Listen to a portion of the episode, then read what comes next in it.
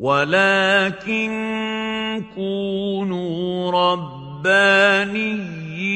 بما كنتم تعلمون الكتاب وبما كنتم تدرسون.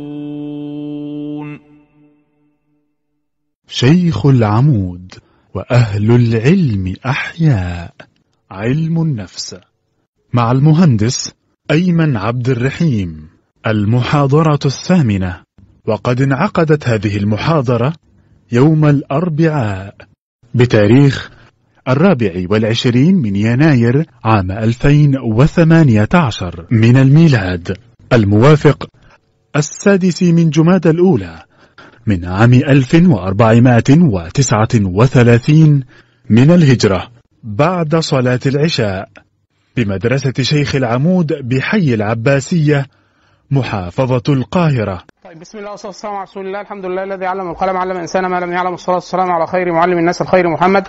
وبعد فكنا تكلمنا عن آه، النظريات المفسرة لل- للشخصية آه، زي- نظريات الانماط ونظريات السمات ونظريات التحليل النفسي وغيرها. آه، ثم عرجنا على فكرة العوامل ال- ال- الأكثر تاثيرا في الشخصية. ويعني استق- استقرينا على فكرة العوامل الخمسة العريضة آه، وقلنا إن إيه في قبول عام من معظم النظريات وإن كان القبول ده مش مطلق. يعني في ناس بتنازع في ده في ناس بتقبل جزء من العوامل الخمسة في ناس بترفضها في ناس رافضة في- طريقة تجميع العوامل. يعني إحنا قلنا كان المدخل إيه؟ حد فاكر؟ محدش فاكر؟ مدخل معجمي. إن هم انطلقوا إلى اللغة وجابوا أكتر 4000 آه، صفة وقعدوا يعملوا تخفيضات وبتاع. الميزة في فكرة العوامل الخمسة إيه؟ إن هو كانت البداية اختيار معجمي. وبعد كده ان هم عملوا عليها عدة اختبارات على سنوات متعددة تصل إلى 50 سنة بيعمل اختبارات ويشوف آه، بتاع. دايما بيلاقي فعلا الدندنة حوالين الخمس عوامل. فحتى الآن فكرة العوامل الخمسة العريضة آه، لها قبول كبير جدا عند معظم ال- المشتغلين بعلم علم نفس الشخصية. آه، طيب ثم بدينا الكلام عن اشهر عشر اضطرابات في الشخصية. مثلنا به اضطراب الشخصية الاضطهاديه واللي هو البارانويا يعني. واتكلمنا على اضطراب الشخصية الفصامية وإحنا قلنا ان في اسطورة حوالين الشخصية الفصامية ان هو إيه مفيش حد مفيش حد اللي هو بشخصيتين واحدة فيهم منحرفة والتانية مؤدبة وبتاع سعاد حسني الكلام ده مش ده ده اساطير متعلقة حوالين ال ال آه، حو- حوالين علم النفس بيسموها علم النفس الشعبي. آه، علم س- لا على النقطة آه. كان في كان في آه، فيلم آه، وثائقي يعني عن دكتورة هي آه، كانت بتتعامل مع واحدة وكان هي عندها شخصيات كتيرة شبه كده وخدت فيها جايزة كبيرة وطفرة كانت النفس مش فاكرة اسم الفيلم. آه. بس هو كان فيما معناه إن حالة الانفصام بالشكل ده. ما طيب نزيد كمان نزيد من الشعر بيت. إن أحيانا كمان إن علم النفس الشعبي علم النفس الشعبي أو الاشاعات الرائجة في بعض العلوم بتبقى رائجة عند نسبة مهولة من المتخصصين. وده إحنا عشان كده ضربنا مثال بأشهر 50 خرافه كتاب أشهر 50 خرافة في علم النفس وكتاب العلم الزائف. اللي هو طبعا في كتاب زمان كان عمل ضجة وكاتب واحد مصري وان كان علماني بس الكتاب حلو. آه، اتعمل فيلم. سبب رواجه وإن هو مشهور قد يكون لو لما نقول اسمه الناس هتلقط على طول على حسب أعماركم برضو. آه، اللي هو الفيلم بتاع البيضة والحجر. بتاع أحمد زكي. كان أحمد زكي بيقول إن أنا هبطل هو كان بيدرس فلسفة في الفيلم. فبيقول إيه؟ أنا بدرس فلسفة وأنا خلاص هغير الموضوع وهعمل الإنسان الحائر بين العلم والخرافة. ده اسم الكتاب بتاع الإنسان الحائر بين العلم والخرافة. كتاب طبعا تعالى معرفه الكويت ودي دراسة من أهم الدراسات ال- ال- المصرية العربية في آه، فكرة ال- ال- الأساطير الاسودو ساينس أو العلوم الزائفة. ان في بعض بعض الإحصاءات في كتاب آه، اشهر 50 خرافة في علم النفس يقول لك إيه؟ سئل طلبة علم النفس في كل الكليات في أمريكا. طلبة. وبعض الدكاترة نسبة 70% قالوا آه طبعا ما دام كذا يعني الرواج الرواج عند ال- المتخصص. فقعد يقول لك إيه ده؟ طب ما هم متخصصين. عشان كده إحنا دايما بنقول إيه؟ الإمام الشافعي رضي الله عنه كان ليه مقولة يقول لك إيه؟ آه إذا ط- آه كان يقول لك إيه؟ من طلب آه من طلب فنا أو من طلب علما فليدقق حتى لا يضيع دقيق العلم. يعني أي كلام من على الش- الشيخ محمد سيد حنبلي ليه كلمة حلوة. كان يقول لي أي كلام من على ال desktop كده غلط. يعني يقول لك الكلام ده بالشبه بالشبه. أي كلام عند التدقيق غلط. في الغالب. عشان كده دايما أظن كان ينسب لي وأظن صح الكلام عن سيدنا علي بن أبي طالب رضي الله عنه. يقول العلم نقطة. كسره الجاهلون.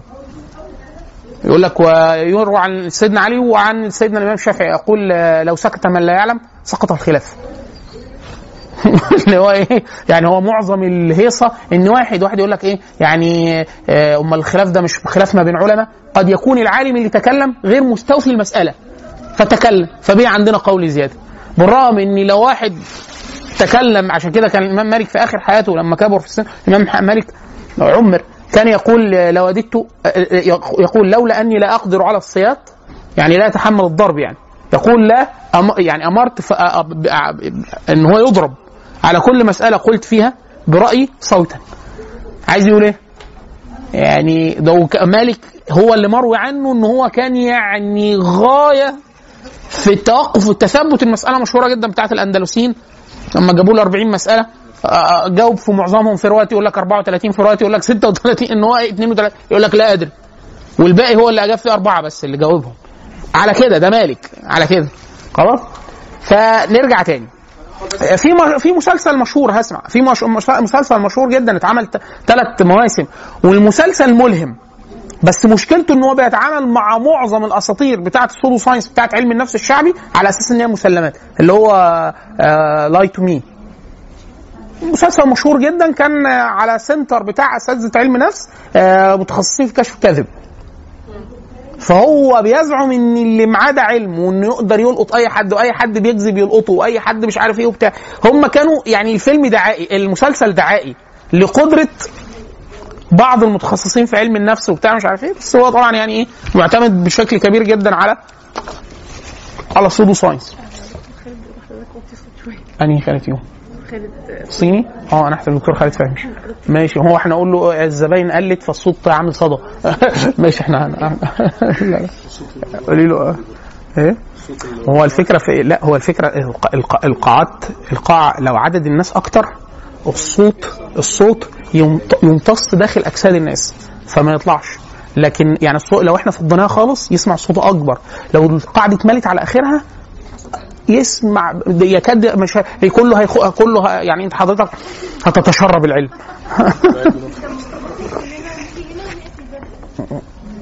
والله قال لك ده عشان البرد أنت ما تفكريش عشان العلم. أنت عايز أنت أنت عايزة تتدفي مش قصدي قول سؤالك. هو أنا أعتقد إن أنا صوت ال- ال- اللي هي ال- ال- الوثائقية؟ ده ما كان لم تخوني الذاكره ما كانش بيتكلم عن الشيزوفرينيا أصلا كان بيتكلم عن multiple personality disorder آه اضطراب تعدد الشخصية؟ اضطراب تعدد الشخصية صح. فده حاجة وده حاجة. ماشي. لا إحنا الاسطوره لا إحنا الأسطورة اللي إحنا بنتكلم عليها متعلقة بالفصام. بالظبط.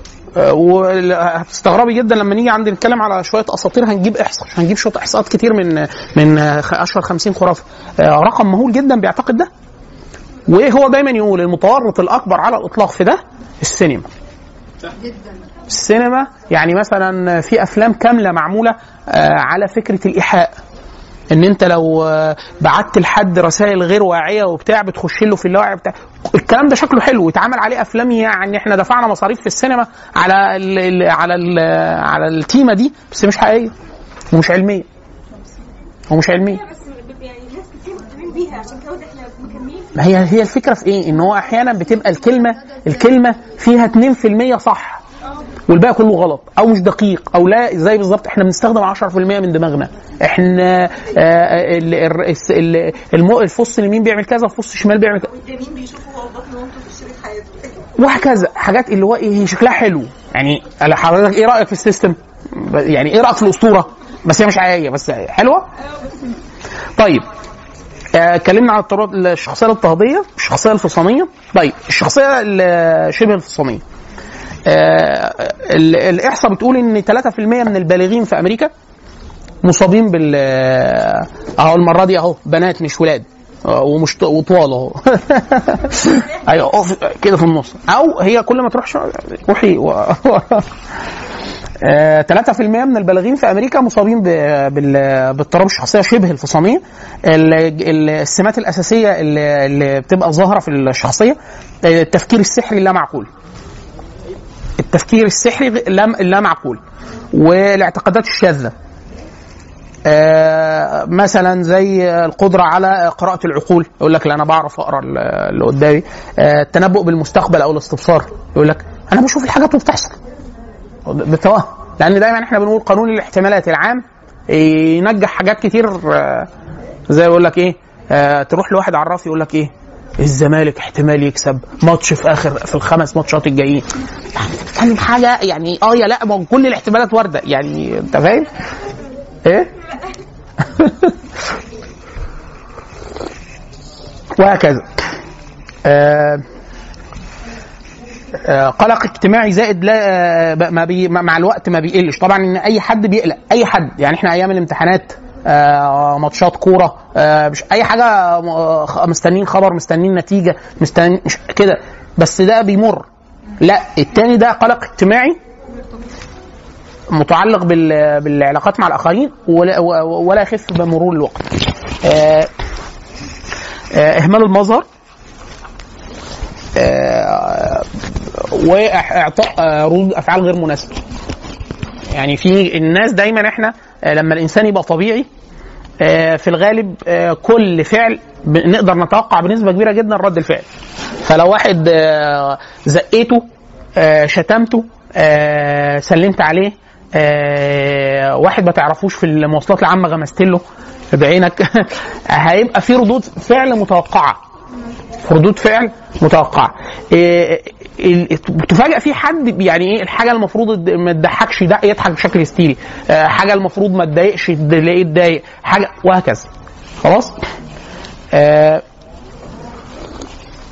أحيانا بيركب أشياء آه، في الإدراك بتاعه غير حقيقية مش مش موجودة سواء أشخاص أو قوى مهيمنة عليه أو مسيطرة على الأشياء. تقريبا طبعا بالطريقة دي زي الفصامي ما بيقدرش يعمل أي علاقات يعني مفيش أصدقاء صعب جدا. ممكن في الغالب ممكن يطلع بصديق واحد. باقي ما باقي ما يقتل الجميع يعني ما فيش بيصفي كل الاصدقاء بيصفي العلاقات يعني مش بيصفيهم هم. ما فيش عارفين اللي بيسموه الوش البارد أو الوش الثلجي؟ فيش فيش ردود أفعال. يعني في واحد وأنت قاعد معاه تلاقيه يعني كل حاجة ليها زي الفيسبوك. يعني هو تبكي بتاع لكن التاني كان حتى في تيمة في مسلسل المسلسل بتاع Lie to Me ده الراجل اللي بيقرأ الوشوش ده بيقول الراجل ده كذاب. هو واحد ملهم للجماهير وبيتكلم حاجات يبدو حاجات زي تنمية بشرية وحاجات ليها طابع ديني عندهم ساعتها في المسلسل. فالدكتور بيقول كذاب. بيقول لأن ملامح وشه لا تتناسب. آه، إحنا دايما بيقولوا الع... إحنا الوش بيفضح. آه فعلا. يعني ده في قدر ما من الحقيقة بس هو طبعا مضخم جدا في المسلسل. يعني في واحد تلاقيه إيه وأنت بتكلمه يقول أنت مصدقني؟ فيقول له آه آه, آه مصدق. فأنت تحس من وشه إن هو مش مصدقك بس أنا بدي reaction حاجة ثانية فهو بيقول لك بيقول حاجات المفروض وشه يدي reaction ثاني خالص. فهو كذاب. بعد كده يكتشف ان هو صادق بقرائن أخرى. فيقول لك إيه ده؟ إزاي؟ بعد كده هيسأل هيفاجئ إن هو عامل عملية. حاجة في وشه. فاللي هو شايفه ده مش وشه الحقيقي. زي عارفين زي الفنانات. تلاقي فنانة مثلا انت إحنا عارفين كلنا إن هي مواليد عمرها 85 سنة. وتلاقي عروسة متألقة. واحد صديقنا زمان وإحنا في أسيوط آه، وإحنا في هندسة. بدينا كل مع الوقت كده كله بدأ يلتزم وفي من ناس مننا بدأت تربي دقونها. وإحنا في أسيوط في الجامعة. وده كان صعب جدا لأن في الوقت ده ما كانش الجامعة كلها ما فيهاش ولا واحد ملتحي. مفيش. لما بدأ حد يلتحي كانت الدنيا اتقلبت. ان في حد ملتحي في اسيوط لأنه كان من أيام 81 الانقلاب العسكري اللي هو الانقلاب هو فعلا كان انقلاب عسكري بس فشل. يعني هو كان ثورة مسلحة الجماعة الإسلامية وبتاع وفشلت. خلاص. فكان الوضع سيء جدا في أسيوط. فدخ... بعد فترة واحد صديقنا كان ساكن معانا الله يرحمه توفي شاب صغير يعني. آه، كان معاه يومنا الصوت لو سمحت. آه، كان معاه تلفزيون. فأنا قلت قلت له قلت له عشان ما تاخدش ذنوب حد أنت عايز تتفرج على حاجة اتفرجها في أوضتك. خلاص؟ فقال لي لا ماشي متفقين وبتاع. فجيت من بره لقيت صديقنا ده اللي هو التحى وبتاع قاعد معاه وفي فيلم آه، مسلسل شغال. فأنا إيه؟ طب أحمد يعني ما كانش ملتزم. ما الله يرحمه بس إيه يعني كان الموضوع ما بالنسبة له مش بس أنت فأنا قلت له إيه؟ إيه يا حبيبي تتفرج على إيه؟ فقال لي مسلسل. قلت له مين البطلة؟ أنا طبعا بتريق يعني أنا بحب ارخم عليه. قال لي ميرفت أمين. فبقول له بقول له و- ميرفت أمين دي آه، مباح إن أنت تشوفها. قال لي آه من القواعد. هي آه شكلها صغير بس هي فعلا زي ما بيقولوا اسم ده 70 سنة مثلا في اللقطه اللي إحنا بنك فقلت له لا يا القواعد دي تكون هي فعلا من القواعد. مش هي من القواعد وضربه نفسها راح على اليوتيم بتاع الدهانات و بعد كده بقت تيمة معانا اللي هو إيه ليلى علوي من القواعد. صباح من القواعد ما هو شكلها هي فعلا من القواعد. بس انت لما تقعد على حيلها ما تتهد وتهبط فالشاهد آه بعد فترة تلاقيها كنت بتتدهور تتدهور بعد كده تلاقيها مرة واحدة بقيت إيه؟ كانها رجعت 20 سنة ورا إيه الحكاية؟ بس تلاقي إيه؟ وشها على طول ثابت الحق. فأنا سألت واحد صديقي يعني دكتور فقال لي هي آه، آه، قال لي الحق الحاجة اللي بتحقنها قال لي دي حاجة بتشل العضلات. فالحاجات اللي هي اللي لما حد بيكبر في السن عضلاته بتبدأ ترتخي وبتاع فبيبدأ اللي هي إيه آثار السن تبدأ في التجاعيد فده لما بيديها له بيشل العضلات. فبتبقى إيه؟ أيوه يعني حضرتك مش هتحزن؟ أنا مدي reaction واحد. أه؟ طيب فهو قليل التعبيرات الوجهيه والإيماءات آه والانفعالات العاطفية محدودة جدا. آه طبعا المداخل بتاعة التحليل النفسي ماشي شغالة في العلاج آه، العلاج الإدراكي السلوكي. دايما الادراك السلوكي آه، من أنجح العلاجات مع كل الناس. ليه؟ لأنه هو بي يعني وكأنه بيحاول يرجع لصورتك أنت عن العالم وبيغيرها لك. فأنت أي حاجة مبنية على هذه الصورة المغلوطة آه، بتخف. طبعا في ناس بتبقى إيه هو هنيجي الحالتين اللي هو إيه هو ما بيروحش يتعالج أصلا لأن هو أنا أنا مش عيان يا كلاب. لا شبه لا لا شبه الفصامي لا هو الشبه الفصامي قريب جدا من الفصامي بس يزيد عليه. لو رجعت اللي إحنا قلنا. يعني؟ شبه الفصامي والفصامي. أنا يتفقوا في- يتفقوا في حاجات ويختلفوا في حاجات يعني اللي هو بيسموه العموم والخصوص الوجهي في ال في, ال في النسب. على حسب. على حسب. ده بي بي- بيبقى إيه؟ على مدى إحنا إدراكنا كمعالجين أو دكاترة نفسيين أو كذا للعوامل. هو إيه اللي عمل فيه كده؟ فلو حاجات إحنا ملناش دخل فيها أو حاجات بعيدة بيبقى آه، ممكن تخفيض حد حدة الاضطرابات ممكن ما يوصلش لحد السواء بس. آه آه طبعا طبعا طبعا. الشبه الفصامي؟ لا. ال- ال- ال antisocial هو اللي هو هيجي لك الشخصية اللي جاية يمكن اللي هو المعادي للمجتمع. ده اللي ممكن إدراكه من الطفوله المتاخره الفصامي وشبه الفصامي مش لازم. أصل في حاجات يتلقط من العيل وهو صغير. في حاجات ممكن بيقعد فترة يعني إيه مش مش مش باين. مش مش باين. يعني إيه؟ آه حاجة مش فجه قوي وبعد كده إيه؟ مع عند التدقيق أو هو يكون اتعرض لحاجة الحاجة تخليه يطلب العلاج. الحاجة اللي تعرض لها مش مش العيب. لأن في أحيانا إحنا في حد ممكن يكون مثلا فصامي بس إحنا في الت... في ال... في ال... في الانطباع العام في الم... في المجال العام بنسميه إيه؟ يقول لك آه، خجول آه، انطوائي حاجة كده. بس مش قادرين نقول إن ده اضطراب آه، شبه فصامي أو كده. طب إحنا ما قلناش ما فيش ما زي زي زي, زي الفصام. إحنا قلنا ما ما ملهوش أسباب غير أسباب إيه؟ ويعتقد بتأثير الطفولة المتصله آه، إحنا قلنا ساعتها نحط تحط تحتها كام خط ده لسه لسه في حاجات اللي هو إيه؟ لا يكاد يكون اضطراب الشخصية ده حط بين قوسين. اضطراب تربية الأب والأم بتاع الشخصية. مفيش هو تقريبا الإنسان 90% من الاضطرابات. آه 90% عشان نسيب 10% للوراثة أو الكيمياء آه حاجة متعلقة بالتربية؟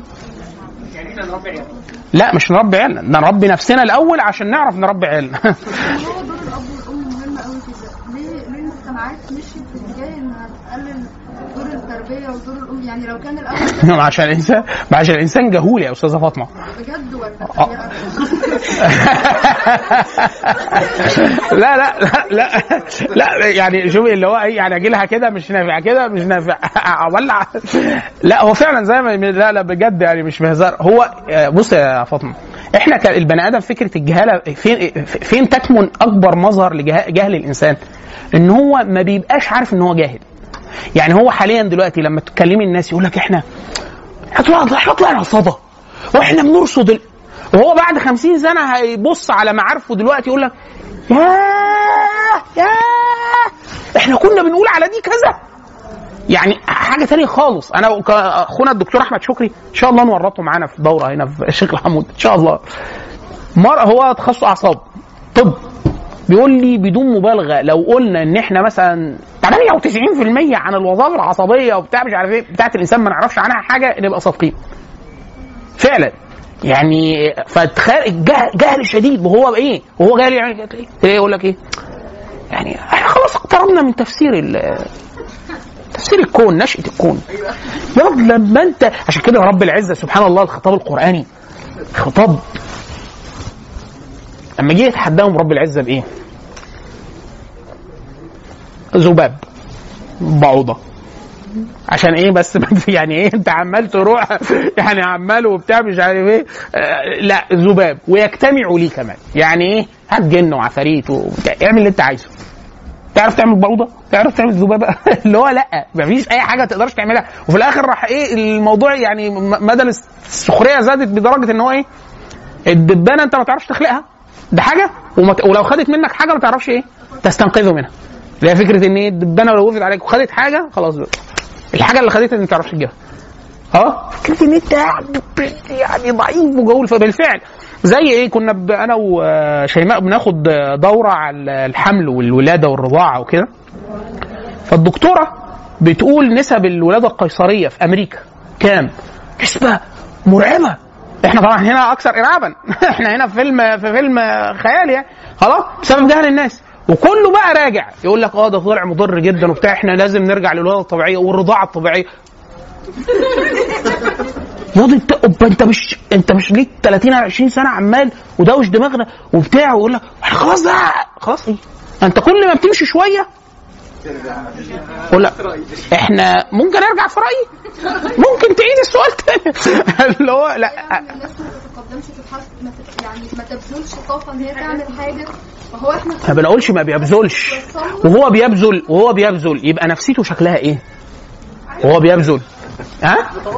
إن هو فكرة تواضع تواضع. اتنين فكرة يعني إيه؟ عشان كده دايما سبحان الله العظيم لما نيجي نتكلم إحنا على البوصلة وفي التأسيس وبتاع وفي مدخل الدورة التعريفية اللي هو فكرة إيه؟ ده داخل غلط. في الغالب الشيخ حاتم الأنصاري ليه عبارة فوق الروعة. كان عامل كان ليك في مقال عن الكتابة العربية والخط وبتاع فبيقول عندما ينشأ السؤال آه، منقطعا عن هدي السماء تن- ت- تأتيه منقطعة عن هدي السماء أنت بتسأل سؤال غلط فبتجيلك كل الإجابات غلط يقول لك خلاص هغير السؤال ده وأسأل سؤال تاني ما هو غلط عشان كده لما نشوف المدارس يقول لك يعني المدرسة دي قعدت 50 سنة مسيطرة على البحث العلمي غلط مين اللي كان بي- بيقول بيها؟ كل أساتذة الجامعة. كل الدكاتره في العالم. كل المراكز البحثية. وبعدين حاليا دلوقتي محدش يقدر يقول كده. ليه؟ حس ان هو كان غلط. يبقى دلوقتي صح. يا ابني لا إحنا يا ما إحنا لسه من أنت مش لسه واخد عشان كده في واحد حتى في واحد صديقنا بيقول العبارة دي في مساحة تانية. بيقول لما الناس واحد يقول لك إيه؟ أنا زمان كنت بعتقد كذا كذا كذا وطلع غلط. دلوقتي آه، ويقعد يتريق على ع- لا مش على نفسه على من يعتقد اعتقاده الآن. قول لهم أنتوا كنتوا أنتوا جهلة وبتاع أنا كنت زيكم زمان. طب يا ابن الناس ما دام أنت كنت حاجة معتقد فيها على وجه اليقين قديما ثم صادرت خطأ. أو أنت تبين. تبينت خطأها. طب إيه اللي يمنع؟ إن ممكن تكون اللي أنت دلوقتي عليه هتتبين خطأه بعد 10 سنين. عشان كده يروى عن مالك وحد من أئمة تاني برضه لما كان يروي آه، يفتي كان يقول بعد الفتوى يقول إيه؟ وما نظن إلا ظنا وما نحن بمستيقنين. على إيه إيه؟ كنا بقى زي زمان مثلا هل ده اتفهم من اللي إحنا بنقوله؟ إيه؟ هل ده ده ده يعني انت فهمتي ده من اللي إحنا بنقوله؟ إحنا ما بنقولش الناس ما تشتغلش. إحنا بنقول حاجتين مهمين. الناس تصحح الاتجاه الأول يسأل أسئلة في اتجاه مظبوط مظبوط. أحيانا ده بيقول لك إيه؟ السؤال أصلا كان غلط. السؤال كان نفسه غلط. النتيجه هو غلط. هو حاول. لا. مش بقى يعني ممكن يقعد يسعى كده 100 سنة ويطلع غلط برضه. فين الغلط؟ إحنا بنقول له إن السؤال أصلا غلط. أنت بتسأل في المساحة الغلط. عارف عاملة زي إيه؟ زي إيه؟ لما أقول لك آه على لوحة المفاتيح. أقول لك اكتبي حرف آه في حروف سمول وحروف capital أقول لك اكتبي حرف سمول وأنت دايس على ال caps lock. عارفة أي حاجة هتكتبيها إيه؟ أنت بتكتبي وتقولي لي إيه؟ بص كده صح ولا غلط. أنا هقول لك إيه؟ هبقى عامل إيه؟ عناية كده. أقول لك إيه؟ غلط. غلط. طب بص. غلط. غلط. غلط. غلط. ليه؟ بقول لك أنت أصلا ما بتدوريش جوه مجموعة الحل الصح. أنت عامل حاجة أنت عامل خطيئة. مش بقول له ما تبحثش وبتاع. ابحث أنا قصدي ان هم مش عارفين لا هو عارف هو حاسس. عشان كده لا هو دلوقتي لا طبعا في ما هو دي الميزة بتاعت ال- العلم نفسه. في حاجة اسمها فلسفة علم. فلسفة العلم أحيانا عشان كده دلوقتي في اتجاه مهول جدا في الغرب. حاليا دلوقتي يقول لك إيه انكسار مركزيه الأشياء يعني اللي بيسموها سقوط السرديات الكبرى. المدارس دلوقتي العلمية حتى بدأت تهبط. يعني إيه يقول لك إيه؟ آه والله هم المسلمين عندهم إيه تصوف. آه شوف كده بيقولوا إيه؟ ها؟ يعني أنت هتشوف المسلمين بيقولوا إيه؟ آه, آه لأن ممكن يطلع صح. لا بتوع الدكاترة الد- طب يقول لك آه ما تشوف طب الأعشاب الصيني كده؟ طب ما تشوف الهندي؟ آه طب ما تشوف الطب الشعبي؟ ولا. انت مش كنت قايل من شوية عالم وبتاع مش عارف يقول لك ما إحنا اكتشفنا إن مش لازم يكون صح ومش لازم يكون اللي إحنا بنعمله أحسن من غير ده ممكن عشان كده دلوقتي يقول لك إيه back to nature إيه باك يعني مش هتدي أدوية كيميائية ومش كده إحنا كنا متقدمين؟ لا مش متقدمين. إحنا كنا بنبوظ الحاجات. طب انت هتعمل إيه؟ يقول لك إحنا هنرجع نعمل مش عارف إيه. حاليا الكلام على الموبايلات والأجهزة وبتاع يقول لك هل ده كويس ولا وحش؟ بعد يقول لك لا كويس ما دي أكيد بنتقدم. طبعا دلوقتي كم الادبات المكتوبة؟ أولاد ولاد آه، اللي هم الأيقونات ستيف جوبز و... يقول لك إيه؟ ما فيش عيال ما فيش عيل من عياله معاه جهاز معاه لابتوب ولا موبايل. ليه؟ يقول لك أصل أنا تاجر مخدرات اخلي عيالي يشربوا مخدرات يعني إيه أنا ببيع وهكذا فالقصد اللي هو إيه؟ يعني دايما بقول لك هي فكرة تصحيح فلسفة الأشياء آه، بتغني عن كثير جدا من الخبل في الجزئيات. نرجع تاني. آه كنا بنقول إيه في الشبه الفصامي؟ آه العقاقير في الآخر آه أحيانا بيلجأوا بيدوا له أحيانا عقاقير مضادات الاكتئاب والقلق. تمام؟ لا إحنا قلنا التحليل النفسي وقلنا العلاج الإدراكي السلوكي يمشي آه، مع آه، أحيانا بيلجأوا ل آه، آه، بيلجأوا لل- للعقاقير لكن عدد كبير جدا من المصابين بال- باضطراب شخصية شبه الفصامية أحيانا بي آه، بيتعرضوا لإعادة تأهيل مهني واجتماعي ليه؟ لأن هو بيبقى عنده مشاكل جامدة جدا في الحيز إيه؟ الاجتماعي العملي في الشغل فأنت دايما إحنا في علم النفس الصناعي يقول لك إيه؟ في خطوة من خطوات العلم بيهتم بيها التأهيل. انت عندك مشكلة مصاب بإصابة إما بدنية أو نفسية. فأنت ما ينفعش تشتغل الشغلانة اللي كنت بتشتغلها. فأنا عايز أعمل لك إعادة تأهيل عشان أعمل لك إعادة توجيه يا إما أعمل لك إعادة تأهيل ناجح فاثبتك في المكان اللي أنت فيه مع فترة اختبارية يا إما اللي حصل لك من الناحيه النفسيه أو شخصيتك لا تتناسب مع المكان اللي أنت محطوط فيه يعني في ناس كتير جدا مدرسين المفروض يت- يتشال من مهنة التدريس هو شخصية آه، سادية ولا مفيش حد بقى فعلا هو صلى صلى الله على محمد لما الراجل الاعرابي قال له إيه؟ قال له يا رسول الله متى الساعة؟ فالنبي صلى الله عليه وسلم في الأول ما سكت وما ردش عليه وبعد كده آه، الصحابة قالوا إيه؟ سمعه فكره ما سمع وفي ناس قالوا إيه؟ لم يسمعه. وبعد كده النبي صلى الله عليه وسلم كمل كلامه اللي كان بيقوله بعد كده التفت. ففي ناس قالت لا النبي صلى الله عليه وسلم لم- لم يرد قطع الحديث الذي كان بصدده يعني. ثم قال أين أراه السائل عن الساعة؟ فقال أنا رسول الله قال إذا وسد الأمر إلى غير أهله فانتظر الساعة. قال آه، قال إذا ضيعت الأمانة فانتظر الساعة. قال وما ضياعها قال إذا وسد الأمر إلى غير أهله. فهي فكرة دي الفكرة فكرة إنه في خلل عام. آه ده خلل عام. طيب أنا عندي سؤال. الشخص قول. هو ال- ال- الناس اللي بتاخد آه، الأدوية العقاقير هو اللي بياخد ولا حد بيكتب له؟ هو اللي بيكتب يعني حد بيكتب له. آه. يعني من وصفه بيفضل عايش عليها طول عمره. لا مش لازم. آه، يعني الدكاترة فعلا بعد فترة بتقول له بطل الدواء؟ أيوه لأن في حاجات لو كمل عليها فترة طويلة هيبقى هو مدمن أصلا.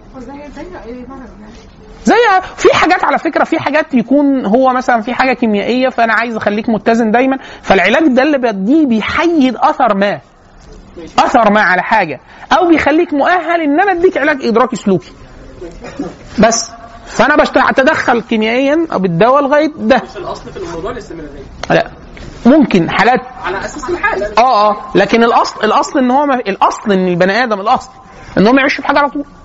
خلاص. في في استثناءات ده؟ لا في استثناءات. طيب. التراب الرابع اللي هو اضطراب الشخصية المضادة للمجتمع اللي هو معظم المص- المصريين مصابين بيه. يقول لك انتي سوشيال تلاقيه بيتف في الشارع وبيرمي ورق ومش عارف إيه وبتاع. يا ابني ليه حبيبي كده؟ آه بيقطع الميكروباص آه، مش عارف إيه الأتوبيس العام يكتب على حاجة آه قلب وأحب. سه... اسمها إيه؟ سهى يا حبيبي انت بتحب سهى إيه ذنب أم الحيطة؟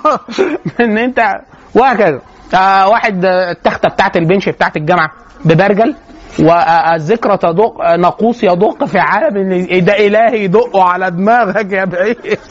اللي هو خلاص؟ وهكذا. فاضطراب. ده اضطراب. يعني اضطراب الشخصية المضادة للمجتمع. الآتي. آه، السمات الأساسية. واحد لا تنصاع لضوابط المجتمع ولا قوانينه. في ناس تلاقيه آه، آه، ما ما يحلالوش غير يعمل الحاجة اللي معروف إن هي ممنوعة. خلاص؟ إحنا دايما بنقول للناس في فرق بين الانصياع الأعمى للقوانين وفي فرق بين احترام قدر كبير جدا حتى بتوع القانون يقول لك إيه؟ من استقرار التعامل. بتوع القانون. في كتير جدا مبدأ في القانون كده يقول لك إيه؟ شرط من الشروط الأساسية حاجة كذا وكذا وكذا وكذا واستقرار التعامل. يعني يقول لك الأصل في البيوع حسن النية. الأصل مش عارف إيه. الأصل في إن الناس ليه؟ يقول لك عشان استقرار التعامل. ليه؟ إحنا مش مجانين. فالأصل فيه فالاصل الأصل إن أي قانون محطوط في المجال العام الأصل إن هو صح. يعني إن أنت تمشي آه تقف لما الإشارة حمراء صح. لما خضراء صح. إن أنت تلبس حذاء صح. إن أنت تمشي على الرصيف صح. إن أنت مش عارف إيه. معظم القوانين اللي حطها إنسان عاقل. في الأصل. خلاص؟ أداب الطريق. عاقل مش عارف إيه عاقل. كل ده صح. خلاص. إحنا في خلل من الممارسة بيخلي في جزء من ال- التمسك ال ال ال ال ال يعني الأعمى بالقوانين في خبل زي المترو. لو أنت قلت إيه؟ أنا مش هطلع غير من البتاع اللي معمول سهم فوق وسهم تحت. ماشي ده حلو إمتى ده الكلام ده؟ في وقت اللي هو إيه؟ الخط الثالث مثلا. لا بس الخط الثالث ما فيش لأنه الخط الثالث أصل المترو في الأصل الأصل المفروض يتعمل كده. اللي هو إيه؟ إن هو بيتفتح من جنب واحد كل الناس تطلع. اقفل ولا على قصدي افتح تاني دخل الناس التانيين. ها؟ فهي الفكرة إن هم ما يتعارضوش مع بعض. لكن في واحد يقول لك إيه؟ لا التزم بالقوانين. هي إيه قصدي القوانين اللي ألتزم بيها؟ ما هو أنت شايف الناس كلها جوه أما لازقة في الإزاز. حاضنين بعض الشعب كله حاضن بعض فإحنا مش هيعرف ده مش هيعرف ينزل أصلا مش هيعرف ينزل محطته. ده هينزل معاه اتنين تاني كده يعني نازلين ملتصقين فيه. عارف التوأم السهام الملتصق في الرأس. آه ده ملتصق في القلب ملتصق في الظهر بتاع. فده هنا التمسك بالقانون ملوش أي معنى. ليه؟ كلنا هنطلع من نفس الباب. ده لو قدرنا نطلع كلنا هندخل من نفس الباب لو قدرنا ننزل خلاص كده؟ لكن في في الأصل إن أنت في ال في ال في المترو إن أنت ما يبقاش معاك حاجة حاجة حادة إن معاك الشيله الكبيره إن أنت مش عارف إيه. الأصل الالتزام بإن الناس تنزل الأول وأنت ده الأصل دي قواعد عامة مظبوطة. خلاص؟ لكن في واحد سواق الميكروباص سواقين الميكروباص في مصر. antisocial ده ده antisocial اللي هو إيه؟ بيعمل الحاجة هو ضد الأعراف وضد الح... ضد الإنسانية وضد قواعد السواقة وضد المرور وضد كل حاجة. تلاقيه ماشي عكس في صلاح سالم ماشي عكس في جسر السويس. هو آه بيقرر. فجأة. وهكذا. فده ده مضاد ف لا ينصاع للقواعد وضوابط المجتمع العامة. مفيش تعاطف مع الآخرين مفيش احترام مشاعرهم. يعني مثلا واحد تلاقيه راكب المترو مجموعة شباب. طب تلاقيه صوت عالي جدا شتيمة سافلة جدا وبتاع. طيب أنت سافر. خلاص لك حق إن أنت تبقى سافر. الناس طب في ستات في ناس هو أصلا سليط اللسان. لو في ستات يقول لك إيه؟ لا لا معانا برضه حريم وبتاع مش ده مفيش صوت عالي موبايل عالي موبايل صيني حقير وسماعته عالية جدا وبتاع.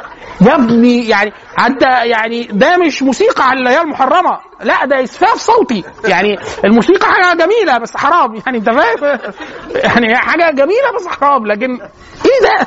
واحد زمان لما طلع شعبان عبد الرحيم وده كان ظاهرة لما ظهر فسألني كنت أنا ابتديت إيه يبدأ علامة اتصال خفيفة كده وبتاع فخلاص يبقى شيخ. يعني يستفتى فواحد بيقول لي هو هو ده حرام. فقلت له ليه يبقى حرام؟ فقال لي مش غناء والاغاني وكده. وطبعا الناس بتخلط دايما يسأل على الاغاني وهو بيسأل على المعازف. الأغاني كلام حسن وحسن كطبيعي وقبيح. اللي هو الإنشاد يعني. الكلام في الموسيقى هو ده الكلام في, في, في, في الفقه يعني. خلاص؟ فبقول له لا ده مش حرام أصلا. فقال لي ليه؟ قلت له أصلا ده مش غناء. قال لي أمال إيه؟ قلت له ده إسفاف لغوي. يعني ده, حاجة لا تنضبط يعني مش مش معانا في الموضوع. يعني ده خارج زي ما واحد يقول لك إيه إحنا هو البيرة حرام كده إحنا داخل في المسكر. في حاجات تانية لا هي يعني تشرب مواد مجاري أنت بتسال في مواد مجاري مش في المسكرات. يعني أنت بتتكلم في الحاجات اللي هي إيه آه يعني حاجات المعفنه مش مش مش ده الباب ده. يعني مش مش ده الباب بتاع السؤال. خلاص. في امراض إيه؟ ممكن ي- يمرضوا مجتمع. آه، تاني تاني. حد يبقى مسؤول عن إمراض مجتمع؟ يعني أنا في شخصيات بحس إن إحنا آه، آه. بنتقولب فيها. يعني آه آه آه. آه آه. ده ده بالعكس. ده في في في وثائقية مهمة جدا لجاسوس سوفيتي على اليوتيوب هتلاقيها. على نقش نشر الأفكار ال- جزء من عيوب التفكير العام. آه، بتدرس في علم النفس. آه، فكرة التفكير الخرافي. والتفكير غير المنطقي. خلاص؟ التفكير الأناني. ويعني إحنا مثلا في مصر جزء من آه، يعني من وظيفة أي نظام شيوع التفكير الخرافي وشيوع التفكير غير المنطقي. ليه؟ قال لي لو أي كلام منطقي لا أنت مش هتقعد يوم تحكم. خلاص؟ فتلاقيه إيه؟ دي سياسة. سياسة. فكرة إن أنت الناس سياسة التجهيل عموما. إن الناس تبقى جهلة. فكرة ال- فكرة الإسفاف السفاهة أو بيسموها السفول. يعني مثلا السينما مين مسؤول عنها؟ الدولة. طب الدولة تقدر تبطل ده؟ طبعا. يعني في طبعا ده بس مكتوب فيه كتير قوي. الحقبة بتاعت عبد الناصر من بعد 67 فكرة السينما لو حد عنده فكرة السينما كان شكلها إيه؟ مش عري. لا لا لا. آه هو إباحية. إباحية مقصودة. فالواحد يقول لك إيه بس ده كان سينما. آه بتذاع. آه الناس كلها بتقدر تشوفها. آه الأفلام الأجنبية اللي في الوقت ده كان مسموح ليها بالعرض في الدور العام. في ناس كتب كتب في ده. شيء اباحي طب ليه؟ الكلام كله ساعات طبعا خلاص التقارير الاستخباراتية اتنشرت والأمنية اتنشرت ان ده كان مقصود من النظام للتلهية العامة. آه لما الضجة اثيرت من كام سنة لما قالوا عايزين آه، طبعا أي حد عنده فكرة بسيطة عن التقنية تقنية الإنترنت والشبكات يعرف إن أي حكومة لو عندها قدر كبير قدر ما من الاهتمام وبتاع تقدر مثلا تمنع 98% من الماده الإباحية الم- المتاحة عن الشبكة. محدش يقدر يوصل لأي حاجة غير لو هو خبير. خلاص لو هو خبير يخش النار بقى لوحده. ليه؟ لأنه المهم المجال العام لا يمكن لا يمكن. ليه؟ الخبرة المطلوبة أزيد من خبرة أي بني آدم عادي. خلاص؟ حتى في دول يقول لك أحسن دولتين متمكنتين في العالم الصين والسعودية. أي آه، موقع معادي للحكومة يبقى إباحي. يا بابا. ويتمنع خلاص؟ بس هو بيقدر إيه؟ يعمل كنترول على في دول منع فيسبوك وتويتر. اللي هو إيه؟ صباح الخير إحنا اللي هو إيه؟ أنا بسم الله ما فيش فيش تويتر فيش فيسبوك. وهكذا. فهو لأ هو لأ النظام بيبقى عايز يعمل شخصية. كان مين اتكلم؟ فكرة يقول لك شوف كل نظام كان بيصدر أنهي نوع من البطل داخل التيمة بتاعت الأفلام. يعني مثلا أفلام الثورة التيمة ضابط أو مهندس. كله. كله. ضابط أو مهندس طبقة فقيرة آه، بينتقم من الطبقه الغنية. خلاص؟ آه كلها حوالين السد السد العالي. كلهم مهندسين وبيبنوا حاجة. أو ضباط خلاص؟ ليه التيمة بتاعت آه يوليو. آه 52 بعد فترة تحس البطل بقي آه شخص عادي من الناس وممكن يكون مجرم. عادل إمام عمل كمية أفلام مهولة بالطريقة دي. أو الإنسان الناصح اللي هو المحتال البطل اللي فيه قدر ما أخلاقي. فترة. وبعد كده آه اللي هو اللا بطل. مفيش بطل. مفيش بطل. البطل التيمة. البطل التيمة. يعني الفيلم كله يبدأ ويروح آه قدر من العدمية. كتير قوي. أو حد شاف أفلام أو مسلسلات فيها المعنى ده. يحيى الفخراني عامل حاجات كتير كده. زي آه، خرج ولم يعد وبتاع. وبعد كده ال- البطل السفيه. خد بقى من أول محمد هنيدي وأنت جاي. محمد هنيدي علاء ولي الدين الله يرحمه آه، اسمه إيه ده؟ آه، الليمبي بقى. الليمبي اللحظة النماذجية بقى. اللي هو إيه؟ إن هو لا أنا عايز كل الناس كده. عشان كده بعد كده هات شخصية جادة.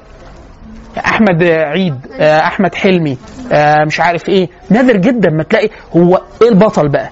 حاليا دلوقتي آه، البلطجي بقى. فكرة البلطجي. بلطجي؟ بلطجي لا ما هو انت إيه إيه الغريبة في اللي أنت قلته عن اللي أنا قلته؟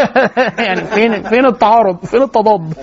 آه أو الاثنين ده ضد ده وده ضد ده أو تحالف الاثنين أو الاثنين بيلعبوا مع بعض وبتاع. أحمد السقا عمل دور كبير من ده محمد رمضان عمل شغل كبير من ده وهكذا كريم عبد العزيز. يعني القصد إن هو حاجة يعني حاجة مانجد يعني مش آه، فكرة هيلب اللي هو المتلاعبون بالعقول لا كان- لا هو بس طبعا هنا النسخة الرديئة. أمريكا طبعا لا يعني أنا بتكلم على هوليود وبتاع لا شغل الكلام ده يعني الدولة أو الحكومة أو جهة ما هي اللي بتصدر الكلام ده للمجتمع؟ لا. ولا المجتمع ولا هو صناع السينما بيعكس بص يا مولانا بص يا مولانا. أنت عايز تخش من الباب ده. خلاص؟ أنا معايا بندقية هنا. 20 واحد قبل كده منك عدوا من الحتة دي أنا قتلتهم. خلاص؟ لما أجي أنا بعد خمس ست ساعات وألاقي اجيبك الاقي ألاقيك أنت وزمايلك أو 10 20 ده غير اللي أنتوا أنتوا قتلتكم. لا خلاص. ناس تانية عمالة إيه؟ خلعوا الباب وبيلعبوا كورة. إيه اللي حصل؟ وأنا قاعد. يبقى إيه؟ في فرق بين إن أنا أقول لك اعمل ده مش لازم ده. ده ما بيحصلش. إلا في أيام مثلا حاجة زي أيام عبد الناصر كان ممكن يحصل. بالتوجيه التام. حاليا يقل بس إيه وطبعا في طبعا في توجيه في توجيه مباشر.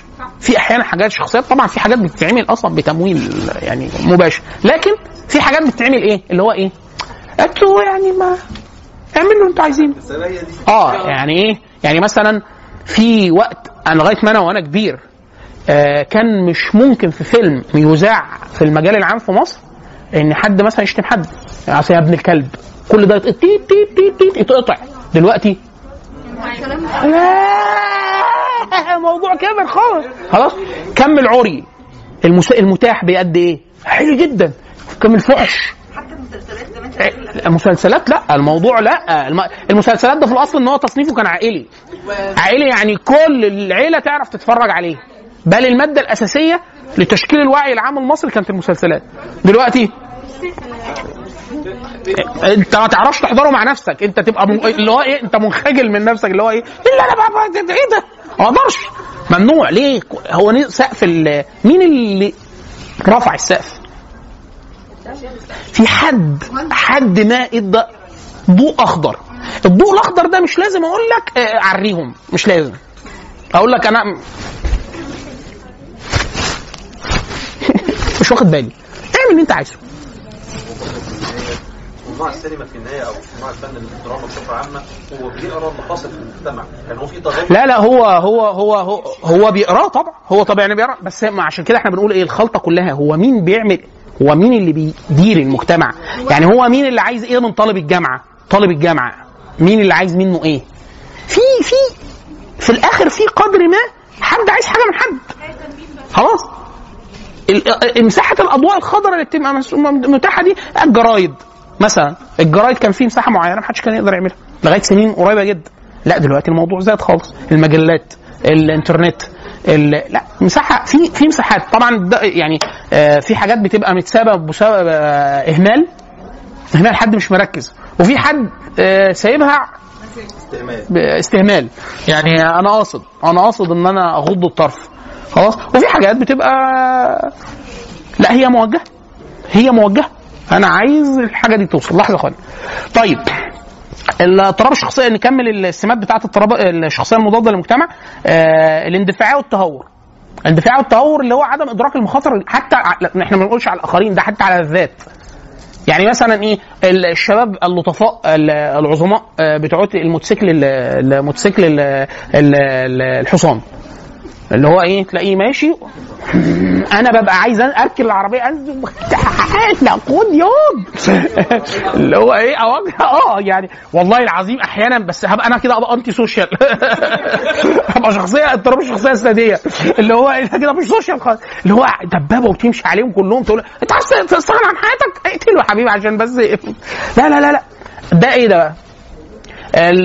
هو أحيانا في تهمة في جنحة في ال- في المرور آه، في القانون اسمها رعونة في القيادة.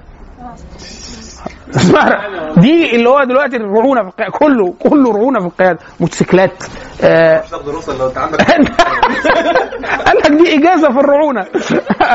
قال لك لا يكون لا والله صحيح. فعلا حلوة حلوة يا أبو حميد. لايك يبدأ من أول الإدمان وال والاهمال الزائد الحد في في في في ال- في الجسم يعني سواء كحول مخدرات قيادة السيار- السيارات أو الدراجات النارية بتهور وشرحه واللي زيه يعني. آه العنف والعدوانيه تلقائيا في ناس في في المترو تحسه داخل يخانق داخل يخانق يعني أنا في في آه، في آه، إيه؟ آه لا ما هو ده شخص مجرد شخص مطلق شخص. يعني راجل ب... في أطفال كده. في أطفال. لسه هنيجي عند الاضطراب شكله بيبقى عند الأطفال. مرة كنت بركب آه، بروح لأختي في إسماعيلية كل أسبوع في آه، وأنا في دار العلوم. فركبت مع سواق. فأنا كنت أنا أحب النوم قوي في المواصلات. آه، يعني أي مواصلة أي مواصلة أنام فيها أي مواصلة. خلاص؟ فكنت اخد أركب الكرسي آخر الف... كانت العربيات بيجو اللي هي سبع راكب فأقعد في الكرسي اللي ورا ده واحد بس بيبقى مع- معايا وأنا إيه أول وهم إيه بقى بيصحوني. وهي كانت ساعة وتلت ساعة ونص حاجة كده. فأول ما ركبت قبل ما نوصل مثلا بنص ساعة السواق قال إيه؟ يلا اخوانا الأجرة. فالناس بعتت الأجرة. خد مش عارف. دفعت والراجل بدأ يقول إيه؟ اخوانا آه في واحد ما بعتش. في واحد ما بعتش. ما بعتش يعني ال- الأجرة. فالراجل اللي جنبي أنا ابتديت ألاحظ بقى. الراجل اللي جنبي أكنه مش سامع حاجة. قاعد. خلاص. كل الناس يا اخوانا بعتوا بعتوا بعتوا بعتوا بعت يا شيخ. آه بعت. اللي جنبه إيه؟ آه الراجل اللي خد منه قال آه أنا خدت منه وبتاع. قالوا له لا تمام عد عد عد ثانية عد ثانية اسطع آه فلوسك كاملة. راح عددهم هو يساوي وبتاع قال يا أخوانا في واحد ناقص. اللي ما بعتش يبعت. العربية بدأت إيه؟ تقلق. لأنه ده في اتهام ضمني للجميع. ومطلب ضمني من الجميع إن كله يبرأ نفسه وكله عايز حد يشهد له إن هو دفع. فأنا أنا بحكم السفر أنا سافرت كتير قوي سفر قصير اللي هو ما بين المحافظات وبتاع. فبقي خلاص شخصيتي يعني فكرة الحدس كده إن في حاجة الراجل اللي جنبي فيه حاجة مش طبيعية. أنا متأكد إن هو دفع. خلاص؟ بس لأ كل الناس بدأت تهتم. إلا أنا بحكم النوم وهو- بالقلق بال- ب- بعدم القلق. فأنا إيه؟ هو حس إن أنا يعني مع ف... فراح ممايل عليه كده. قال لي كمل نوم يا شيخ. فبقول له ليه؟ قال لي الراجل ده أنا سافرت معاه 100 مرة. أنا شغلي إسماعيلية القاهرة القاهرة إسماعيلية. قال لي هيقعد يعمل كده لغاية ما نوصل عند الكارتة. وبعد كده هيعد الفلوس تاني يقول آه خلاص يا إخوانا معلش تعبناكم معانا الفلوس كام وراح إيه قرص على إيدي كده قال لي كمل نومك. خلاص كده؟ فانا أنا إيه؟ لا لا. النوم. قاعدة أساسية اسألوا مراتي. أهو أي حاجة مع النوم يبقى نوم. مفيش أكل ونوم نوم. نوم. نوم نوم. نوم يا إخوانا. خلاص. فرحت أنا إيه؟ كملت وهو جنبي نايم والناس بدأت تهري مع بعض. يا عم أنا اديتك أه اديتك وبتاع. إخوانا بلاش. وهو السواق بلاش الأسلوب ده وانتوا ناس كبيرة ومحترمة ومش عارف إيه وبتاع. والناس يا اسطى ما تنرفزش خليك في السكة اللي انت فيها دي. قعدنا بالطريقة دي. أنا من جوايا بقى إيه؟ ما كنتش لسه درست علم نفس. بس إيه؟ هو بعد كده عرفته دلوقتي. هو قصدي سوشيال في حاجة مش طبيعية. قاعد قاعد قاعد. الراجل ده بيستمتع بتعزيم الناس كل يوم. سواق ولا راجل؟ السواق سواق لغاية أول ما وصلنا عند الكارتة. بالظبط إيه؟ هو بيعمل كده عشان الناس تطلع تلم من بعضها. الناس بتعمل كده تروح دافعه وخلاص.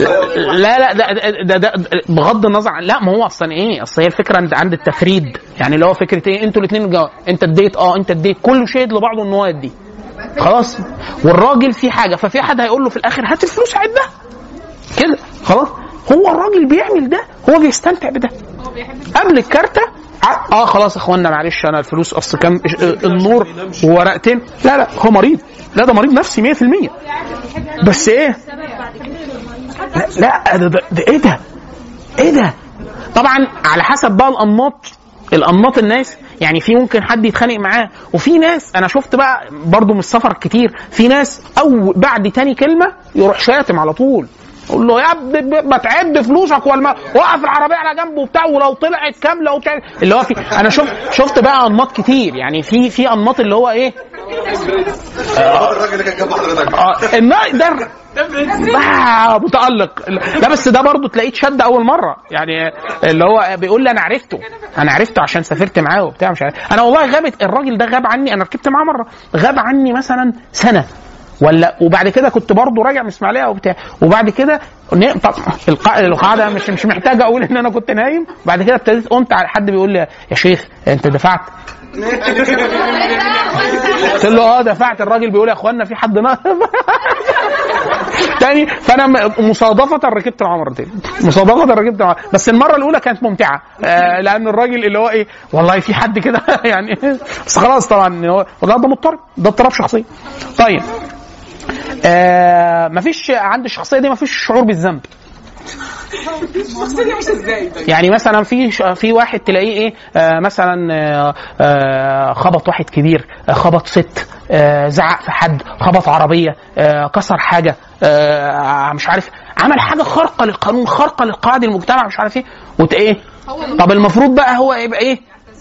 لا تلاقيه ما لا ما في لا أنا غلطان واللي عاجبه. شخصية م- يعني اللي هو إيه؟ آه متصالحة مع الذات في اتساق. آه. طيب آه 3% من آه من من الرجال و1% من النساء بيصابوا باضطراب آه، في طبعا اضطرابات آه، يعني أنتوا يعني ما هي فكرة ضعف مش أكتر. لو أنتوا يعني آه، لعبتوا fitness ولا حاجة هتبقوا كده. آه ممكن antisocial ما هو antisocial مش لازم يكون بس هي بص بس لحظة. المحكات المحكات اللي بيبان فيها إن هو مصنوع على فكرة في حاجات بتتقاطع مع الجزء بتاع الإضرار بالآخرين. بس لغاية ما يوصل للسلوك المتهور في الذات وفي الآخرين هو ده عشان كده دايما إحنا بنقول أي اضطراب شخصية قد يتشابه مع أمراض ذهنية أو عصابيه أو اضطرابات أخرى وعند بيسموه التشخيص الفارق. لو ما اجتمعش فيه إكس عدد من العوامل وده اللي بيبان في دليل الش- التشخيص الإحصائي يبقى مش الاضطراب ده. يبقى هو ملمس في خصلة أو خصلتين بس ما أقدرش أقول إن ده آه واحد اتنين تلاتة أربعة. في حاجات النسب تزيد قوي في الرجالة وفي حاجات النسب تزيد قوي في الستات. لا لا أنا في حدود في حدود اللي أنا اللي أنا شفته يعني مثلا حاجات في الأطفال يقول لك مثلا ده زايد جدا. مثلا التوحد مثلا بالنسبة للبنات والولاد يقول لك التوحد لا أكتر في في الذكور. النساء البنات يقول لك لا في حاجة تانية بقى ده اللي بقى أكتر قوي فيها وهكذا. النسب تزيد قوي لكن ينعدم ويبقى خاص بالرجال بس أو النساء بس آه نادر نادر جدا. يعني أنا مش قادر أستحضر ولا حاجة يتقال عليها كده فقط للنساء أو فقط للرجال. وهم في الآخر الأول الآخر هي نفس بشرية. يعني هم في قدر التشابه كبير جدا. بس طبعا في حاجات مثلا زي ما إحنا قلنا الرجالة مثلا آه، بحكم إن الستات أسهل آه، بل أكثر آه، تعبيرا عن مشاعرهم من الرجالة آه، ففي حاجات الستات ما تجيلهاش. أو تقل قوي. الرجالة عشان بيكتب يكتب بفرقع من جوه يقول لك لا ده أكتر. ليه؟ لأنه أقل في التعبير عن مشاعره. يعني الراجل ممكن يبقى قاعد متغاظ قوي من واحد ولا بتاع مش عارف إيه ساكن معاه بتاع ساكت. الستات مفيش الكلام ده. مفيش بقى هي تاني موقف و هت... أنا مرة في وإحنا في عين شمس بندفع المصاريف في أول السنة. أنا بروح. ببص يعني إيه حسيت الدنيا زحمة. بحب أنا بطبعي بكره الزحمة. بكرهها بشكل يعني أقرب للفوبيا. يعني. آه أي زحام زحام مرتب لا يبقى عادي. زحام في فوضى ده بيزعجني جدا يعني. إيه؟ لا ما أنا بتغلب عليه. بال أيام ما كنت في الكلية كنت بركب المترو كل يوم. كل يوم. فكنت معايا كرسي بيتطبق في الشنطة. أول ما أدخل أروح فرده في رب في حتة كده هو نفس حجمي. واقعد وأقعد أجي- لا لا ما- لا. لا ما بنامش لا. أجيب آه، اسمه إيه ده كتاب ومعايا كان كشاف إضاءة عشان الناس طبعا بتظلل عليا. أقعد كده لغاية ما عند المحطة بتاعتي. إيه؟ سلوك أجنبي لا هو هو عموما سلوك القراية في شاذ في مصر. عشان الكشاف. لا ما هوش كشاف مشبك في ال- هو أصلا إن أنت بتقرأ ده أجنبي. يعني ده حاجة مش طبيعية. آه، المرض ده مثلا من ال- لما كنا إحنا بنقول الحاجات بتبقى بتز- بتبان من انت ده بيبان من الطفولة المتأخرة. يعني يبان في الطفولة المتأخرة ويبان من في المراهقة يزيد قوي في المراهقة. اللي هي فكرة إيه؟ طفل اللي هو السلوك العدواني ويضرب أي حد ويعور ويستخدم آلات حادة ومش مجرد شقاوة. الطفل الشقي ده عادي. لا يعني إيه؟ لا. أو أحيانا إحنا بن... في حاجات بنفسرها تخريب بس هو بتبقى عدم نمو إدراكي للطفل. يعني الطفل أحيانا بيستخدم الحاجات عشان هو مش عارف يستخدمها فبيكسرها. أو بيضر نفسه أو بيضر الآخرين. ده دورك أنت. يعني مفيش طفل أحمق. في بالغ أحمق. أنت اللي قاعد جنبه. هو ما يعرفش إن دي تتكسر. مين اللي بيقول له؟ أنت. مين اللي يخفف واحد يقول لك إيه؟ طب هو لو ما شافهاش اتكسرت مرة؟ مش هيتعلم. يبقى نجربها الحاجة نجرب الحاجات اللي ضررها قليل. الحاجات اللي هي إيه تكون خلل هيحصل مثلا حق إيه عشان يعرف إن الحاجة سخنة. يتلسع بس مش لازم تفقفق. خلاص؟ آه مثلا عشان يعرف المية ساقعة مش لازم تجيب التهاب التهاب رئوي عشان تتبسط. وهكذا. فالشاهد إن في فرق بين إن الطفل مش عارف دي بتعمل إيه؟ فيروح إيه؟ آه، شفت قلت لك بتموت اهو اديك مت اهو عاجبك اهو اهو خليك فاكر بقى ان أنا قلت لك ان انت هتموت اديك مت طيب فدي بتظهر آه، من من آه، في الطفوله المتأخرة وفي ال- وفي المراهقين. آه، بتب- بتبان في شكل. إثارة المشاكل العراك والخناق الدائم الاعتداء على الآخرين. في عيل آه، لو ركبته مع شوية عيال الأتوبيس مثلا ولا ميكروباص آه، سيبه نص ساعة تلاقي كل السواق يقول لك فلان ضربني. طب واحد اتنين لكن ضرب الناس كلها؟ لا. الواد ده يجي. يتشاف. إيه ده؟ آه إيه إيه ماله ده؟ آه استخدام الأدوات الحاده الأطفال أحيانا أخواننا بيبقوا عاجزين عن الضرر ال- الضرر الدقيق. يعني يعني إيه لما تقول له خلاص روح اضربه زي ما ضربت؟ تلاقيه يعمل إيه؟ يعني إيه؟ إحنا الكبار إحنا اللي نقدر نأذي بوعي. لأنه ده محتاج أصلا إدراك إدراك آه، دقيق. ففكرة استخدام آلات حادة للضرر في السن الصغير لا. لا ده ده السرقة. ال- ال- فكرة ال- اللي إحنا بنسميه أحيانا التنمر أو الاعتداء على الأطفال الصغار. أي حد أصغر منه يروح ينكد على أمه. خلاص؟ آه، فكرة تعمد أذى الحيوانات. قطة ماشية يضربها بالشلوت آه، كب مية سخنة على القطة. آه، جيب شاي وكبه بتاع. ما هو مش مجرد بيأذيها. لا ده ده انتي سوشيال. عيل ابن اللي هو إيه آه أذى بالغ. حتى للحيوانات. الحيوانات ما بتسلمش منه. آه تخريب الممتلكات. فكرة إشعال النيران تخريب الأشياء الحاجات اللي عارفها بتبوظ يبوظها. كب مية على ال keyboard. الله يحرقه. عصير مانجا على ال keyboard مثلا. ينسون على اللابتوب مثلا. آه، مش لازم ينسون ممكن كراوية. آه، الكذب الدائم والمتكرر أحيانا طبعا لما بيوصل لسن مراهقة ممكن يوصل لسرقة المحلات والتزوير والاحتيال بيبقى شخصية عظيمة. الغياب المتكرر عن المدرسة آه، بقى في المجتمع هو الشخصية دي يعني ده اللي هيبقى مجرم إن شاء الله. يعني ده إن شاء الله المجرم إن شاء الله. ده هنا أحداث. ده أحداث. لسه ما بقاش مجرم لأن الإجرام محتاج إن هو يتجاوز السن القانوني عشان عشان نعتبره قانونا إن هو مجرم. آه، فكرة قضاء الليل خارج ال- البيت. في آه، يعني مثلا آه، أنا ما بت- ما ما أعرفش فكرة إن أنا أبات بره البيت غير لما سافرت مغترب وأنا في جامعة. في أولى جامعة. ففي أولى جامعة بقيت خلاص. في زمايلنا مثلا كنا وإحنا في إعدادي أنت فين؟ يقول لك لما اتخانقت معاهم سبت رحت بيت عند فلان. أو هو أز- إزاي أصلا قدر يتخانق مع أبوه وأمه لدرجة إن هو ند بند واثنين إزاي أبو وأم الواد الثاني سامحوا الواد ده مش المضطرب. ده العيلتين مضطربين. لأن إزاي في حد يبقى بايت بره؟ في بيت والبيت الثاني ما يسألش ده مين. ومش إزاي من بيتهم في السن ده. وهكذا. طيب امم دلوقتي طب إحنا قلنا الحاجات دي مش البيتين المجتمع. يعني الافعال دي بيفرزها المجتمع صح؟ يعني المجتمع هو اللي بيتسبب فيها؟ هاجي لك عند الأسباب آه، في ال- للغرابة يعني. ال- ال anti social آه، في جزء كيمياء في أصلا بيولوجي إفرازات جسمه مش مظبوطة وفي جزء وراثي وفي جزء تربوي. في ثلاث عوامل. السؤال بقى. دلوقتي لو واحد عمل مثلا جريمة آه. القانون يعاقبه على أساس على حسب سن الأول على حسب سنه. ولا أساس ان المجتمع هو اللي عمل كده؟ لا ما ده ده ده فلسفة القانون. في السؤال اللي بتسأله ده بيخلي الدول بتتقسم نوع نوعين الدين بقى هو- لا مش الدين. ما فيش دولة في الغالب بتدخل هو الدولة الدين في لا لا القانون. لا الدين نفسه. إحنا لو قلنا إحنا الدين معيار هيحكم شخصي بإيه؟ كل حاجة. آه لا لا طبعا. ال- الشرع الشرع فيه مساحة آه، لما بيكون آه، الضرر لا يصل.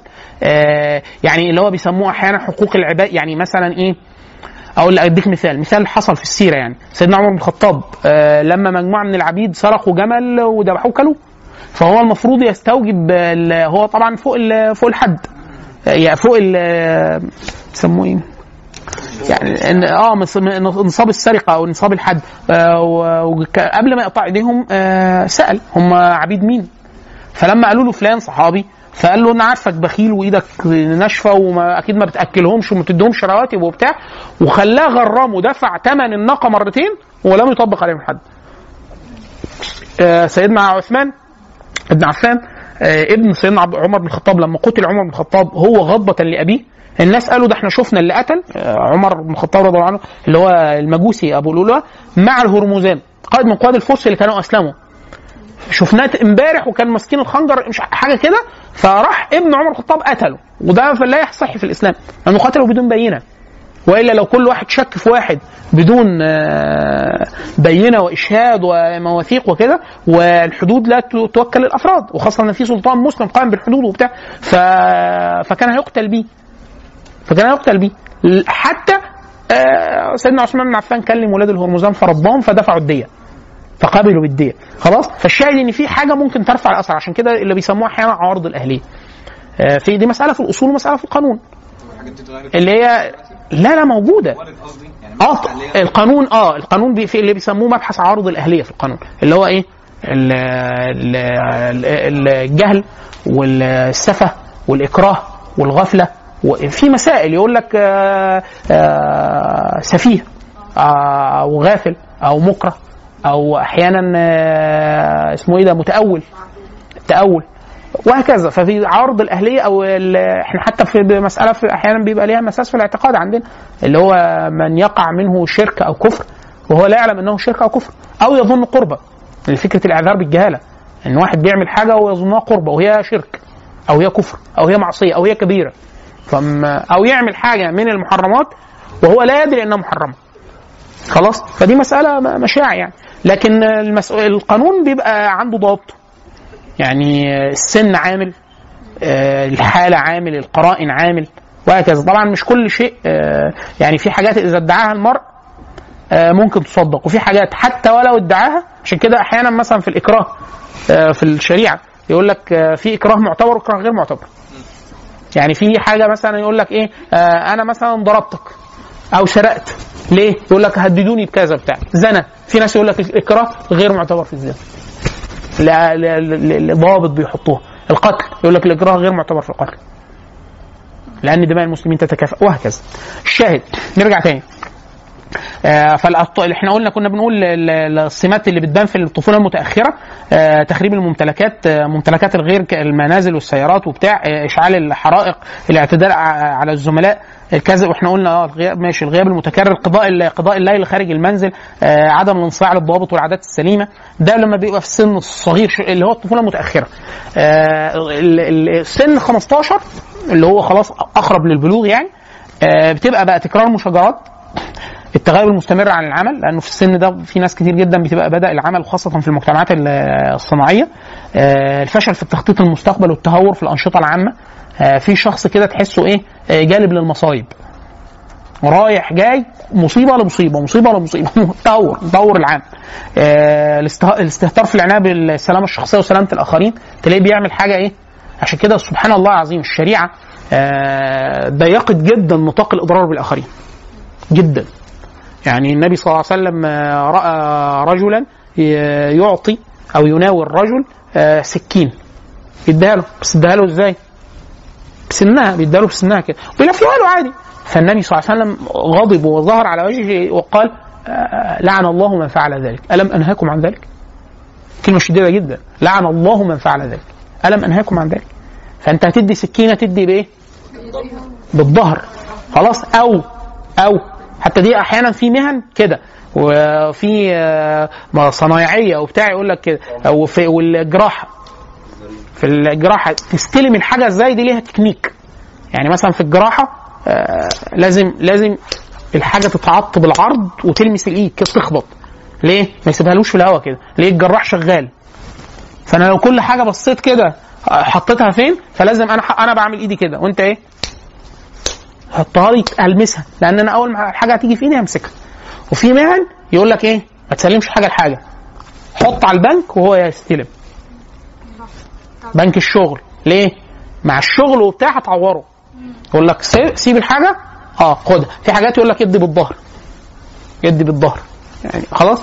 ف وكما نهى النبي صلى الله عليه وسلم عن دخول لو حد داخل برمح أو سهم أو شيء ذو حد في المسجد آه، إما تنكس واما تغطى ليه؟ عشان واحد داخل بسيف ولا بتاعه ماشي هيعور النفس. آه رمح سهم وده مظنة مظنة ال- ال- الازدحام وعدم ال عدم ال التدقيق آه، إنها إنها عن ترويع المسلم ولو بالمزاح. لما لقي واحد صحابي نايم على الكنانة بتاعته فحد من الصحابة جوه راحوا شادين سهم وهو نايم. فهو قام مذعور فقعدوا يضحكوا. فالنبي جه وهو غاضب وقال يعني إيه؟ آه إني أنهاكم عن ذلك. يعني ما حدش لا يروع لا يروع مسلم ومسلمة. ولو بالمزاح. ولو بالمزاح. يعني لما تجيش جنبه تكون ماسك كهرباء وتروح مفرقع حاجة مش عارف فرقع جنبه بومباية مش عارف كل ده نهى عنه النبي صلى الله عليه وسلم. المسلم من سلم المسلم هي ده. فكرة إن هو يسلم من لسانك ويدك. فأنت لا لا تؤذيه بأي شيء. طبعا بغض طبعا بالها ازاء المشاعر. طبعا في نصوص كتير في كده. لا فكره إن ذلك يحزنه. نهى النبي صلى الله عليه وسلم ان يتناجى اثنان دون الثالث. لأن فإن ذلك يحزنه. هيضايقه بس. فما تعملش كده. فما تعملش كده. هيضايقه. يعني مش مش مش تأذيه بدنيا. لا تأذيه. طيب.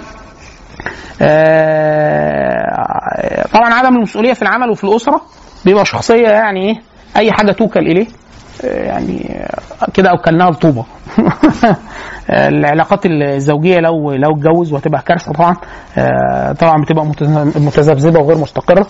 آه، وبرضه نفس الحكاية الافتقار للشعور بالندم. يعني أنت زعلان عارفة الأستاذة العلامة آه، ريهام آه، آه، لما بتقول له طب انت انت ندمان؟ ففي واحد تلاقيه إيه؟ مش باين أي ندم. آه، فهو في ناس يقول لك إيه؟ شوف بص بص الواد يعني عامل الجريمة ومش ندم آه يا حاج ده anti social anti social ده لو مسكك هينفخك ولو الكاميرا اتقطعت هيمسككم كلكم هينفخكم. ما إحنا بنقول في أحيانا بتشابه في حاجات. خلاص؟ لكن عشان أقول إن ده غير ده اللي هو التشخيص الفارق لازم يجتمع في حزمة إجراءات. ما هو هجيلك آه هو لا في لا لا لا. في في في جزء منه انتقام. وفي جزء منه حاجات هو تعرض لها. ه- هيجيلك للأم دلوقتي. أم هتظهر دلوقتي. أم هتظهر في ال- الأسباب. في الأسباب اللي ممسوكة لغاية دلوقتي عليها ممسوكة يعني في عوامل ارتباط إحصائية دالة إن ده ليه نسبة ولا و- و- نسبة ما. منها آه، اضطرابات الجهاز العصبي. آه، في بيبقى خلل عنده في الجهاز في طبعا اضطرابات الجهاز العصبي بتبقى في في في في, في ليها جوانب كتير يعني. آه، إما السيالات العصبية أو زيادة نسب مواد كهرباء بتاع يعني حاجات زي كده. لكن إيه هي بالظبط؟ لا عشان كده هم هنا كاتب اضطرابات الجهاز العصبي بالعموم. طيب العامل الوراثي. آه، في في إحصاء دالة آه، ان العامل الوراثي آه، لو آه، معظم معظم الناس اللي لقوهم anti social وراثيا أبهاتهم بنسبة كبيرة كانوا anti social تمام؟ العوامل الاجتماعية. معظم الأسر اللي مستواها اقتصادي ضعيف واجتماعي متدني مع تفكك الروابط الأسرية مع تفشي المخدرات والعنف الأسري وبتاع بيطلع شخصية مدمرة للمجتمع. ال- العوامل النفسية. آه، فكرة آه، دور الوالدين في تعزيز تعزيز ال- السلوكيات المعادية للمجتمع. آه، طبعا إحنا دايما إحنا بنقول سبحان الله الأطفال هم نسخة من الأب والأم وزيادة. وزيادة. يعني إيه؟ وزيادة إما حسنة أو زيادة قبيحة يعني. فأنت مثلا لو في سلوكيات السلوك اللي بيعزز عند الطفل بيزيد. السلوك اللي بيعاقب عليه أو لا يؤيد عليه أو بتاع ما بيقل. فسبحان الله السلف إحنا طبعا ده اللي إحنا نقوله ده ذروة اللي كان يروى عن اظن أظن الفضيل بن عياض أو حد زي كده. بنته جت قالت له أنا عايز ألعب أخرج ألعب؟ فقال اذهبي ولا تقولي إلا خيرا. هو مش عايز يقول لها روحي العبي. آه، السبكي. السبكي ال- السبك- السبكي الأب. هم عيلة السبكي كلها علماء. يعني طالع منها خمسة ستة اثنين منهم مجتهدين على الأقل مثلا التقي والتاج. فالصغير آه، هو طبعا ده كده بيعلم كبير جدا. بيقول وأنا صغير عدى كلب قدام بيتنا وأبويا جوه وهو يسمع يعني سمعه. فقال هو هو صغير بيقول له إيه؟ آه، هاتي ميه معاك يا فاطمة بس بعد ما تشربي. يعني اشربي وهاتي خ... خ... والله سلام. شوف ان انت تبقى ليك بنات كتير يعني ده بقى هاتي خمس كوبايات والله. آه فب... ما أنتوا جايين في وقت غلط. يعني أنا ضارب لحمه ضاني قبل ما أجي ف... أنا باكل الحاجة الحلوة قبل الأكل. فأنا ممكن أنتوا تاخدوا آه واحدة تذكار وأنا آخد الباقي آه يعني آه لا أفطر بيه. لأن أنا كده خلاص. ربنا يخليك يا فندم تمام؟ آه كنا بنقول إيه؟ السبكي آه. الكلب معدي قدام البيت فقال له إيه؟ هو صغير. قال له اخسأ كلب ابن كلب. هو غلط كده في كلب قال له إيه؟ اخسأ كلب ابن كلب. فالت... الت... الت... ال... ك- مين الكبير؟ التاج ولا التقي اظن التاجر المهم شوف انت لب... يعني خلي خلي الكبير هو اللي بيتكلم. هنا دلوقتي فقال له إيه؟ قال له آه قال له لا يجوز. ما ينفعش اللي انت قلته ده أو غلط أهو. فقال قال أنا لم ازد عن ان قلت كلب ابن كلب. يعني هو كلب وابوه كلب. يعني مفيش حاجة. فقال بص قال له إيه؟ قال له شرط الجواز عدم قصد التحقير. انت ينفع تقول له كده؟ زي ده حتى جائز في البني آدم. لما واحد ينفع تقول على واحد الأعور واحد يقول لك لا ينفع. لو هو عيلتهم اسمها عيلة الأعور. خلاص؟ أو هي حاجة للتمييز ولا يقصد بها الإساءة وهو قابلها. خلاص؟ زي الأعمش. محدث. فهو العمش ليه ضعف البصر. وهو ما كانش بيزعل من ده وما اسمه مشهور مشهور وبتاع. أو واحد يتقال بمهنته وهو إيه؟ ما تضايقهوش. زي القفال. قفال الشاشي هو قفال. أو الحذاء أو المش فهو إيه؟ ما ما تعبوش. فقال له إيه؟ شرط الجواز؟ عدم قصد التحقير فهو حتى الس- السلوك الصغير بيقول إيه؟ وهذه فائدة. يعني كتبها. قال لك إيه؟ بص ال... يعني فائدة علمية يعني. خلاص؟ طيب. فلما أنا الطفل أنا شتم قدامي وسبته. زعق قدامي وسبته. عمل رد فعل. أنا بقول له تدفع لبابا يا حبيبي تدفع لعمه حبيبي. ما ده ده ده تعزيز للسلوك الجيد كبير يا مولانا. ده دمره ده مرعب. ده مرعب. ده مرعب. عشان كده زمان ال- الصبيان كان فكرة المؤدب. يقول لك فلما بلغت كذا يدفع للمؤدب. آه، زمان الملوك كانوا يعملوا كده. الملوك. اللي هي فكرة تجيب الواحد إيه؟ المؤدب ده ملازم ليه؟ يعني أنا مش آه، أنا خلاص في البيت وديته المدرسة. لا معاه حد. معاه حد راح أي حتة معاه ده المؤدب. المؤدب ده إيه؟ ده اللي يرفع خبره لأبوه وهو ينصحه. يقول له تعمل كذا ما تعملش كذا ينفع كذا ما ينفعش كذا. ليه؟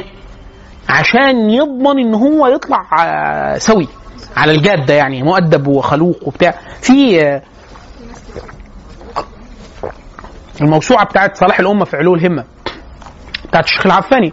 في آه، في بعض مباحثها ممتازة جدا في علو الهمة في الأدب وال وال ومع حسن الخلق وبتاع في كلام طيب جدا. لأن إحنا لو إحنا قلنا للناس يعني آه، آه، انظروا فتأسوا بمن هو حي يعني فلا تجد إنسان تتعلم منه الأدب إلا من رحم ربك. آه فعلا. أنا فاكر حد من مشايخنا ربنا يبارك فيه آه، لما قلت له عايز اخش دار علوم فالأول استنصحته. قلت له أخش أزهر ولا دار علوم. قال لي لا أخش دار علوم. ولما تيقن ان أنا هخش دار علوم قلت له أنا قدمت وملفي اتقبل وخلاص ومنتظر الانتظام في ال... فقال لي إلزم فلان وفلان وسمى مشايخ. فقال لي مثلا قال لي الشيخ حسن الشافعي لو قابلته آه إلزمه. حتى لو ما درسلكش. فقال لي تروح تشوفه تت... قال لي مش لازم تسمعه هو بيتكلم في العلم.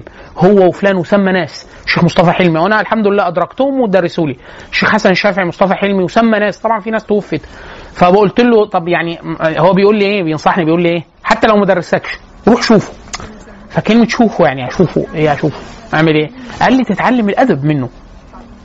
فقال لي لو عايز تتعلم الأدب شوف الزم الشيخ حسن الشافعي وأنا طبعا لما رأيته عرفت يعني هم اتنين يكاد يكون لو أقسمت إن أنا لم أرى أدب منهم في المعاصرين آه، أدب زايد آه، بشكل غير عادي. الشيخ حسن الشافعي والأستاذ طارق البشري ربنا يطول في عمره. يعني أدب فعلا يعني يعني أدب صوفي. أدب صوفي باللي هو أدب شديد يعني المستشار البشري ما أعرفش تعرفوه ولا لأ. كان نائب مجلس رئيس الدولة قبل كده والشيخ الشيخ الأزهر القديم سليم البشري جده. مؤدب بشكل غير عادي. اللي هو فكرة عايز فعلا ده يتقال فيه لو عايز تتعلم الأدب روح اتفرج على المستشار البشري شكله كلامه قعدته آه، تعامله مع الناس. طبعا الشيخ حسن. الشيخ حسن الشافعي حاجة يعني آه، يعني آه، كتلة أدب بتتحرك على طبعا. في ناس طبعا شفناه بس هي الفكرة النموذج اللي هو إيه؟ الشيخ مصطفى حلمي أستاذ الفلسفة. آه لا يعني حاجة فوق الوصف. أدب أدب راقي جدا يعني. آه بس طبعا في ناس بيبقى نموذج يعني ربنا يحفظهم ويبارك فيهم. طيب آه نجر بقى 400 خط على الجملة اللي جاية. من, آ- من آخر العوامل المسببة. اكتب عندك في الليستة. الحرمان من الأم في السنوات الخمس الأولى من الحياة. أحيانا بيطلع حد انتي سوشيال أحيانا. آه لأن ممكن واحد يتحرم وما لا ممكن يعوض. ما- دي استثناء. ما إحنا اتفقنا إن مفهوم الأسرة الممتده بيتضمن أي أم. بالرغم إن هو مهندس بس يعني بيذاكر. كما أن تعامل الأم الذي يتسم بعدم ضبط النفس ونقص العاطفة والتهور قد يعدد من العوامل المسببة. إيه؟ فين كما أن إيه؟ كما أن تعامل الأم الذي يتسم بعدم ضبط النفس ونقص العاطفة والتهور.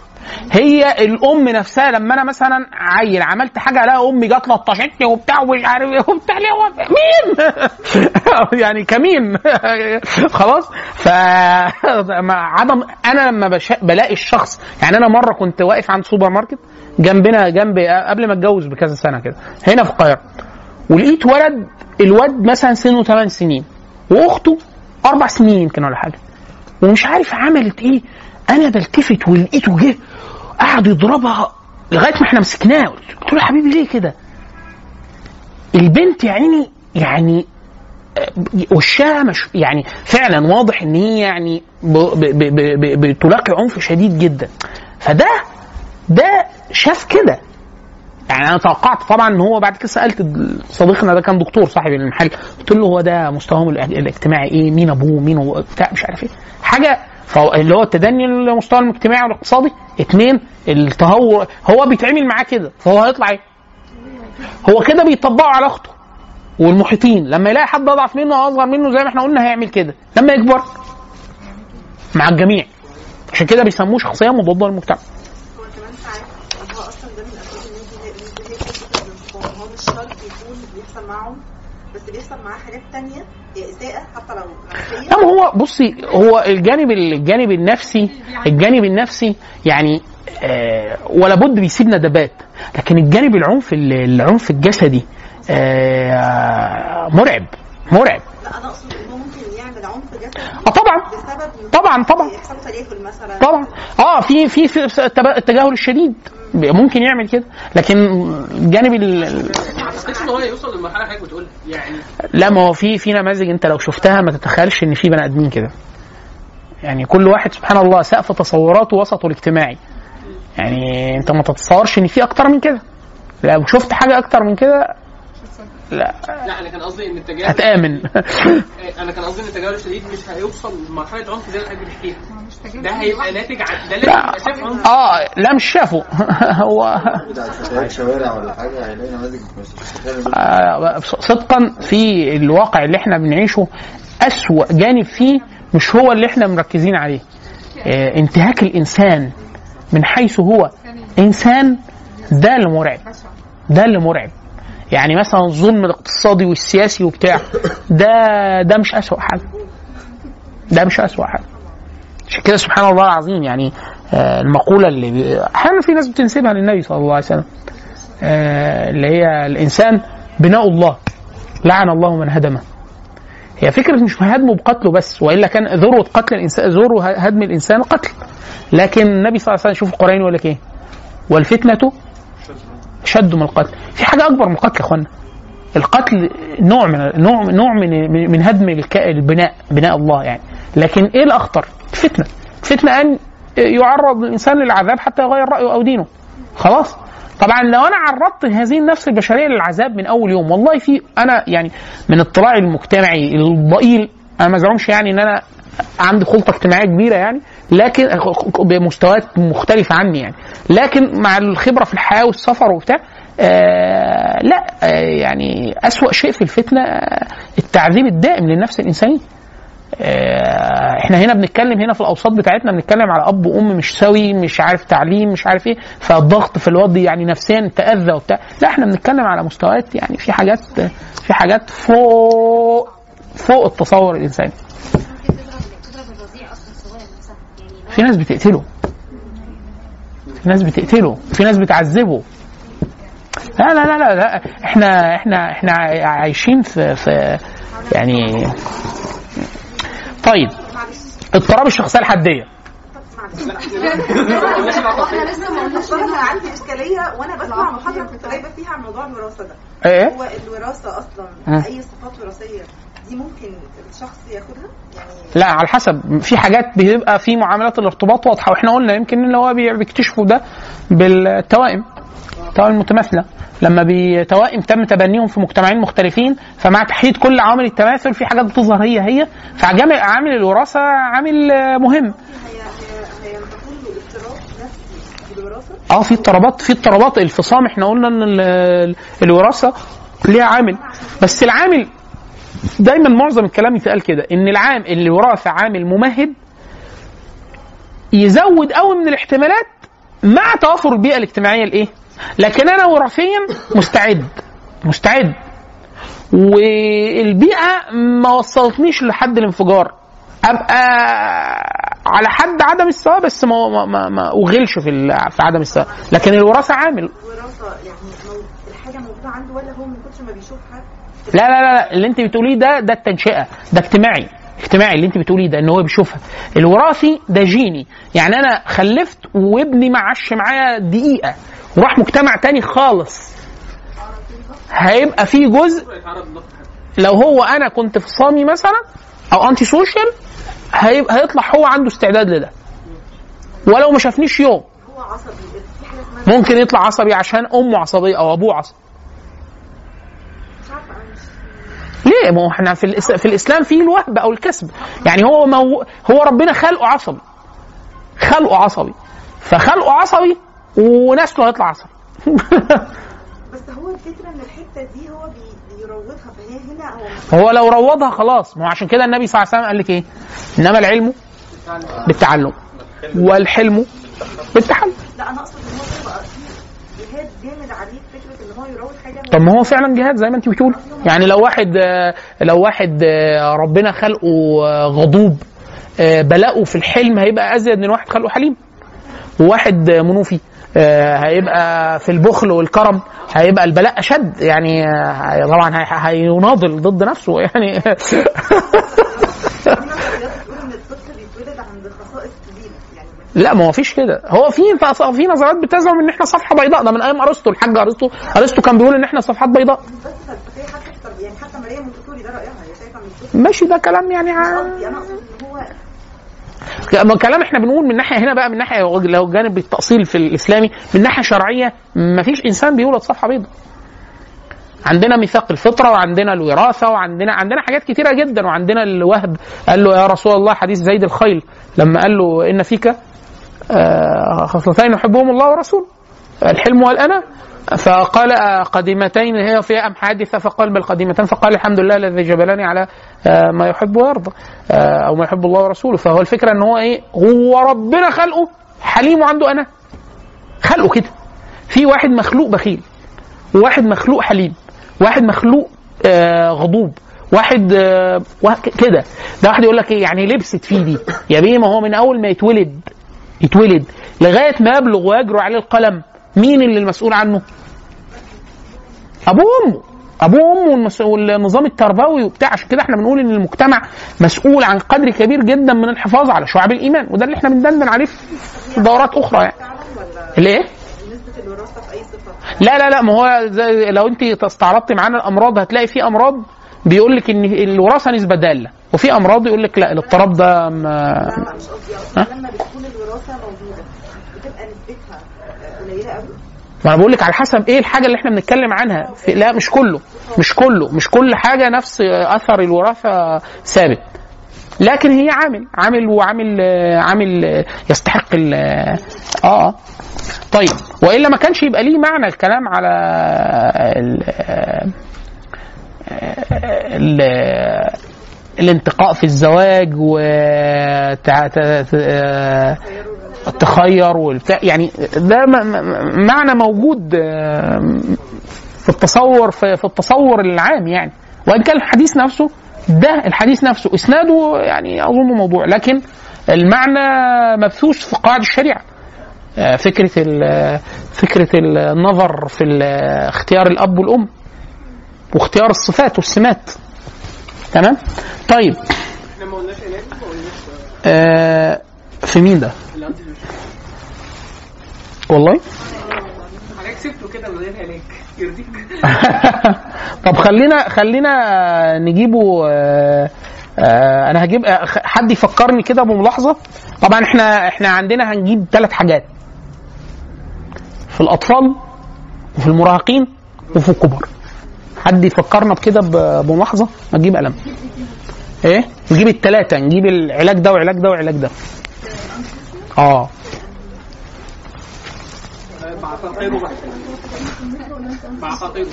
بعقاقير. آه لا ده لو في عق... يعني كل حاجة أصل إحنا في حاجات هيقول لك العلاج السلوكي إيه؟ برامج العلاج السلوكي والعلاج ال... ممكن يأجل أصلا السلوك بتاعه ده لحد ما يبقى قادر؟ يعني مش فاهم. يعني هو مش قادر يأذي فبيفضل لا لا لا لا مفيش حاجة اسمها مش قادر. هيلاقي حد يقدر عليه. أقول لك قطط مش هيلاقي قطة ي... يغلس عليها. لما أكبر هضربكم كده. لا يعني لا لا بعيد عن اي حاجة قال لك ب... قال لك قال لك ما يبقاش قلبكم أسود. وتسقطوا اسقاطات تودينا في داهيه آه، لا لا مفيش بيقدر. أي حد بيبقى قادر يلاقي حد ينكد على عليه. حتى يبقى إفساد الأشياء. يبوظ حاجة. آه، يضرب قطة. آه، يلاقي عيل صغير يتفتن عليه. يعني لا هيلاقي حد. إن شاء الله ربنا هيوفقه ويلاقي حد يغلس عليه. طيب آه اضطراب الشخصيه الحدية اللي هي ال- ال borderline. ده بيبقى السمات بتاعته الآتي. طبعا هو من الأمراض الخطيرة جدا يعني مش امراض من الاضطرابات الشخصية الخطيرة جدا borderline. آه حتى مشكلته في العلاج حتى إن هو أصلا بيبقى عدائي جدا ضد المعالج نفسه. فصعب مش بسهولة إن حد مع كمان إن هو متذبذب شخصيته بتروح وتيجي هنشوف دلوقتي. فالسمات الأساسية انفعال شديد في العلاقات وعدم استقرار مع الآخرين. عدم الاستقرار ده مثاله إن هو يا إما آه، بيتبدل من المثالية الشديدة جدا وخاصة آه، آه، في نفسه أو الانحطاط انحطاط القيم. يا إما تلاقيه شخصية آه، هادية جدا وعقلانية جدا وبتاع ومثل ومش عارف إيه ومرة واحدة تلاقيه أسفل سافلين. هو هو نفس الشخص. طيب. آه، يتشابه مع ال anti social في انتهاج انتهاج, سلوكيات تدمير الذات. طبعا ال- الإقبال على الانتحار بيبقى خيالي مع ال borderline خاصة صغار السن المراهقين يعني. في تدمير الذات. تناول المخدرات السياقه المتهورة. آه، القيام بحركات انتحارية. آه، نوبات الغضب النرفزة. معاكي نرفزة من دقائق لغاية ساعات. يعني ممكن موجة موجة نرفزة تستمر عدد دقائق لغاية مع عدد ساعات. نرفزة ونرفزة وخناق وغضب وكده آه، الشخصية بتت- بتتراوح زي البندول كده. من تعظيم شديد جدا للأشخاص. تلاقيه بيحب حد يعظمه جدا ويكسبه. صفات مثالية صفات مثالية. إما الحط شديد جدا منه. أو حتى بيمارس ده مع نفسه. إما تعظيم جدا حكمه على نفسه وقدراته وبتاع يا إما الحط جدا من, من نفسه وإضعاف صورته الذاتية ويقول لك أنا ما, أنا ما, أقدرش أعمل حاجة أنا ماليش قيمة أنا وهكذا. حتى أحيانا في النوبة وهو بينزل كده تلاقيه بينتحر. آه، ال- ال- الأمراض دي كلها ليها مدى. يعني في كده كأنهم يعني في اول أول ال borderline وفي ال- ال- ال extreme بتاع ال borderline. في ال- الأول بتاع صحيح ما هو ده بيبان على الاختبارات. لما نيجي نتكلم على الاختبارات آه وهو بيقيسه يقول لك مثلا أنا قستك اكتئاب مثلا قلق عام. مش كل واحد- واحد عنده اكتئاب زي بعضه. مش كل واحد عنده اضطرابات شخصية آه، مضادة للمجتمع زي بعضه. يعني مش زي ما حضرتك مثلا بتبقى ماشي آه، ترمي ورق في الشارع ولا بتاع آه، مش زي عيل بيمشي بمسمار يخربش العربيات آه، مش زي حد مثلا بيمشي بحاجة يقطع هدوم الناس في المترو لغاية ما حد بيضرب ويغتصب وبتاع. ده غير ده غير ده. بس كلهم فيهم نسبة ما من الاضطراب. يعني مش يعني مش لازم كل الناس توصل لمرحلة الإكستريم بتاعت إنه لا لا لا. لا ما هو بص في مساحة. لو تحتها مش هيخش جوه التصنيف أصلا. ما ده دخل فيها هيقول لك في زي ما بقول لك واحد عنده اكتئاب عادي. خفيف يعني مش في اكتئاب يقول لك واحد مزمن. اكتئاب عميق. بقى آه يعني مساحات. لغاية ما في حد بيبقى خطير جدا. زي الذكاء. في درجة معينة يقول لك ده normal يعني إيه normal يعني مش مش غبي. أو ما عندوش تخلف عقلي. في مساحة يقول لك ده عنده تخلف عقلي. واحد يقول لك يعني عبيط. لا. في تخلف عقلي بسيط. يعني يتعالج ويتعلم وبتاع ممكن يوصل سلم معين في التعليمي يعني مثلا ممكن يتعلم تعليم فني يخلص أكتر من ستة ابتدائي ويبقى متخلف عقليا. تعريفه في علم في علم النفس عنده تخلف عقلي بسيط. من الجرس الإحصائي القومي آه. طيب آه آه بطة بطة. إحساس مزمن بالفراغ وال- والزهق والضجر. يلا بينا. عايزة تاكلي؟ وأنا برضه عايز أكل. طب إحنا هنخلص أهو. دقيقة نخلص الصفحة نخلص المجنون اللي فينا. نخلص الاضطراب اللي فاتنا ده. تاكل أي حاجة؟ استني. لا، لحظة واحدة يا اخوانا معلش.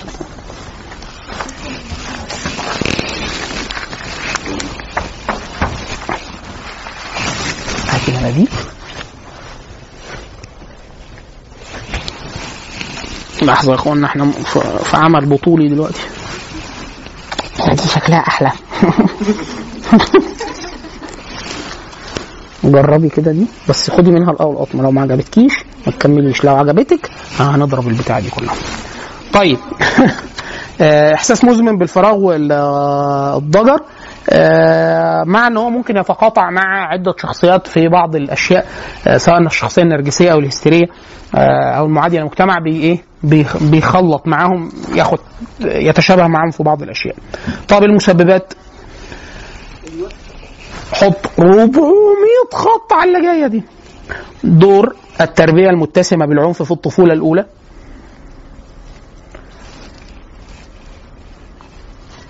ونقص الحنان من طرف الأم. أو الأم غير قادرة على التعامل بنجاح مع الواقع. غير قادرة على التعامل بنجاح مع الواقع. آه، فاما مثلا آه، بتتعامل مع الطفل واقع الطفل إما بحرمان شديد جدا أو عنف شديد جدا. أو إعطاء صورة مثالية غير واقعية للأشياء فهو بيطلعه ما سبحان الله العظيم الطفل بيكتسب إدراكه قدرته على الإدراك والحكم على الاشياء من مين؟ مننا إحنا فان إحنا لو إحنا مثلنا له الواقع إدينا له صورة مخادعة للواقع إما مثالية جدا أو بتاع هو بيبقى بعد كده هيحكم على الاشياء إزاي؟ فمثلا ال- ال borderline مثلا لما بيجي يحكم على الاشخاص فبيعظم جدا من لو حب حد يحبه قوي ويحطه في صورة مثالية فالشخص ده لو صدر منه قدامه أي حاجة اللي إحنا بنعتبرها في عرف الناس عادية. فتلاقيه دخل في طور وانحنار و- وإزاي فلان يعمل كده؟ هو أنت أصلا مين اللي بنى لك قدرتك على الإدراك والحكم على الأمور؟ فأنت مين قال لك إن الواقع مثالي كده؟ خلاص؟ وهكذا. فحتى في التعامل لما يكون التعامل مش واقعي عشان كده دايما إحنا نقول لك إيه؟ عودوا الأطفال على التعامل الواقعي. يعني أنا فاكر آه، من وإحنا صغيرين يعني. كان والدي ووالدتي ربنا يبارك فيهم كان آه، حاجة يعني ملمح عندهم. الحاجة يقول لك إيه إحنا نقدر نعمل كذا. في كذا يقول لك لا إحنا ما نقدرش نعمل ده. خلاص؟ أنت هت مثلا هيكافئك مثلا هتجيب لك كذا. ده في حدود إمكانياتنا. إحنا نقدر نعمل ده. خلاص؟ بحيث أنت إيه؟ ما تتوهمش. صورة أكبر من الواقع بتاعك. ففي أحيانا اضطرابات كتيرة جدا. في حد ما بيبقاش واقف على أرضية واقعية. يعني انت إيه بالظبط؟ تقدر تعمل إيه؟ إيه اللي ما تقدرش تعمله؟ إيه اللي تقدر تعمله؟ يعني لا لا تعظيم. هنيجي عند الشخصية الهستيرية أو النرجسية اللي هو إيه حد. أنت عظيم جدا أنت أحسن حاجة في الدنيا أنت أذكى واحد في الدنيا. يا عم ما تنفخوش قوي كده. خلاص عودوا إن إحنا بنغلط عودوا انه في عودوا إن هو بيغلط عودوا إن اللي بيعمله ده ده ك... يعني ده نعمة من عند الله عز وجل. والله عز وجل إن شاء منعه من ده كله. عشان كده بيبقى شخصية في شخصيات هيقول لك حتى ما ينفعش تعالجه. إيه بطل واحدة تانية؟ هيا بنا. دي؟ تمام؟ لك لا مش مستقصدينك آه. الفترة ان هي هي المسؤوله عن أروح فين؟ ماشي. يعني اغلب أغلب المجتمعات الأم دلوقتي بتشتغل طول الوقت. هو ليه باين على ان الام عليها تأثير كبير؟ يعني هي مش موجودة والأب مش موجود. لا ما هو في, في, في, في التحليل هنا لما بيكون بيكون دور الأم هو اللي بيرصده. فهو في الفترة ال- الفترة الأولى بالذات آه، أمه. طبعا في حالات بعد كده هيبقى غياب الأم. يعني برضو إيه؟ هيبقى دور الأم إن هي مش موجودة. فاللي هو يعني أنا فاكر في دراسة كنت قريتها في National Geographic كان النظام الروماني آه، رومانيا. إلهي يتحرقوا. كانوا آه، أظن أيام آه، شاوشيسكو. فنظام شيوعي. فبيتعامل مع مع البني آدمين على أساس إنهم مش بني آدمين إحنا زي النحل فراشات. فأنا لو قطة خلفت وخدت عيالها وديتهم في حتة تانية. في حاجة مشكلة أخلاقية؟ فإحنا ما بنحسش إن ده مشكلة أخلاقية قوي إحنا ده نأكله ونشربه وبتاع. فعملوا قال لك إيه؟ الإنتاج. الابات والأمهات دول عمال. الطبقه البلورت- البلورتاريا المفروض الطبقه العاملة. فالأب والأم المفروض يكون مكانهم فين؟ في المصنع في الشغل. والواد إحنا نعمل عنابر ضخمة جدا للعيال من أول ما تتولد.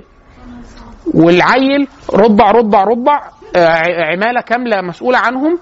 آه، امسك العيل رضع رضع رضع رضع غير غير غير غير نظف نظف نظف نظف وبتاع. خلاص. طب العيل ده آه ما بيقعدش نص ساعة يتباس مثلا لما يصحى من النوم مفيش أحضان مفيش لا ده مفيش ده خلاص وهكذا. فقدر ان انهار نظام تشا- تشاوشسكو فاتعرف إن في آه، أنظمة كده. خلاص. هاتي هاتي عدي عدي آه تعالي الناحيه الثانية يا بوتا تعالي. هي كانت فين؟ هي كانت نامت ولا إيه؟ آه. تعالي يا بوتا تعالي.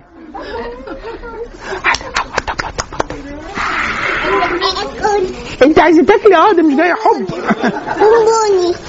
بونبوني. تاكلي بونبوني؟ تاخدي واحدة تروحي جري لماما؟ طب تاخديها بطعم إيه؟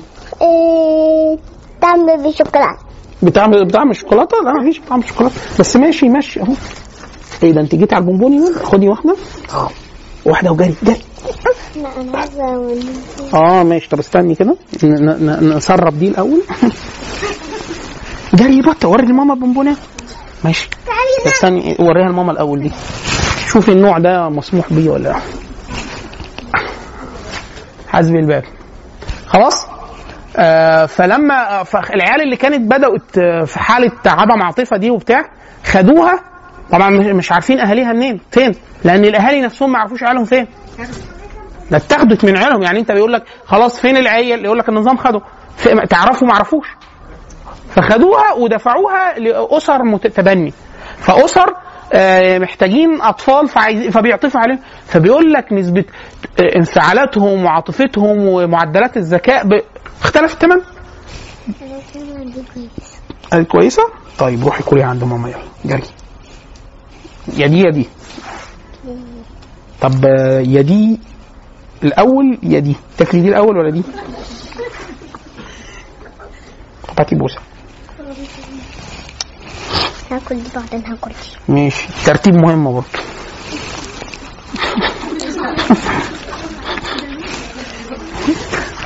اللي عاملها يعني إيه؟ شخصية دقيقة جدا. مهندس قال لك nanotechnology scope وجايب الحقنه قال لك نقطة شوكولاتة. خلاص. آه فبيقول فبيقولوا لما الأطفال راحوا لبيئة طبيعية تاني وبتاع فك.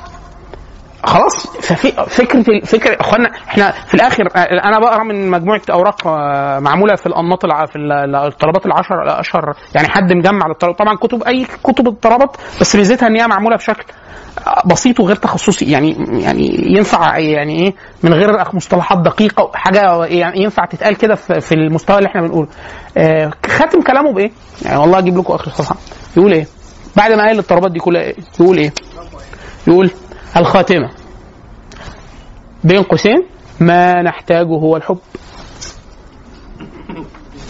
هو حب غير مشروط.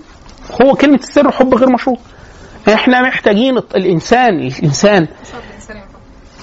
والله سبحان الله العظيم لن يتعرف على ربه بدون حب. ليه؟ لأنه ما ما تعودش حد يحبه. ويعرف معنى الإحسان والحمد والنعمة والشكر والفضل والرحمة وال... لو ما عرفش يعمل ده مع أبوه وأمه مش هيعرف ده يعمل مع ربنا. سبحان الله العظيم. يعني هو لو مش قادر يعمل دي مش قادر يعمل ده مع الناس مش هيعمله مع الله عز وجل. فأنت عايز حد مؤمن؟ فعلا عايز حد مؤمن. خليه سوي. خليه سوي. السواء بتاعه بفطرته اديه إلى الله عز وجل. يعني انت بس خليه سوي. هو هي هو ان شاء الله يصل الله عز وجل لأن الفطرة بتاعته لوحدها. يعني لو حد شاف بالقرآن اهتديت. السلسلة كلها ثلاث مواسم. لا لا لا. ده حد قريب من الفطرة الإنسانية البشرية؟ مع بمجتمع عاصي على الكفر. لما لمسته أنوار النبوة. لمسته أنوار القرآنية. آمن. ليه؟ في قدر كبير جدا من السواء. من السواء اتحب وحب ويعني أنا في لقطة مطرب بريطاني لما أسلم. فقصة إسلامه عجيبة جدا ثري جدا غني جدا مشهور جدا وحاسس بضيق صدري شديد جدا. وبتاع بعد كده عرضت على قرية قال الآية هو ده اللي أنا حاسه بالظبط وأسلم. فأنت تتصور كده الموضوع خلص والموضوع مؤثر وبتاع وهو بيقول لك أحاسيس. الموضوع لسه ما بدأش. فين بقى؟ فبيقول أنا أسلمت. وأمي ما أسلمتش. وكاره الإسلام وكاره الديانات. ابنه أسلم وأمه بتموت. أم المطرب. فهو بي... هيتجن خايف يتكلم عن الإسلام والدين فتقفش وتموت على كده فتبقى خلاص وخايف ما يكلمهاش. المهم قعد يتلطف معاها قعد لفترة ما تموت وبتاع. فقالت له هو عموما أنا مؤمنه ان في إله. فقال كويس. خلاص. ومش راضي يكلمها أكتر من كده. خايف يضغط عليها. تقول له طب عليا؟ طلبي الثلاثه طب ما فيش إيمان. وما وسحبت إيماني بالإله كمان. حاجة كده.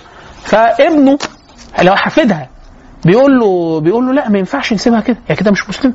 ولو مات كده تبقى كافرة.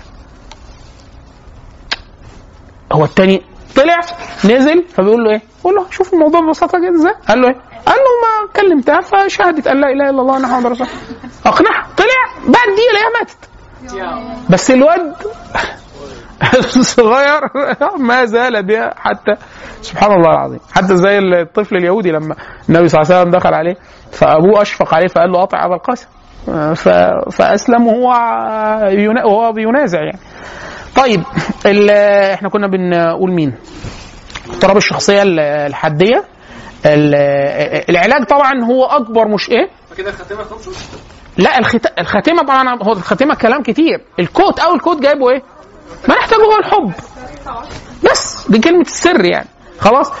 أكبر مشكلة مع ال borderline إيه؟ إن هو عدائي جدا حتى نفس المعالج نفسه. فعشان تلاقي له حد ينفع يتكلم معاه ما ده صعب. خلاص؟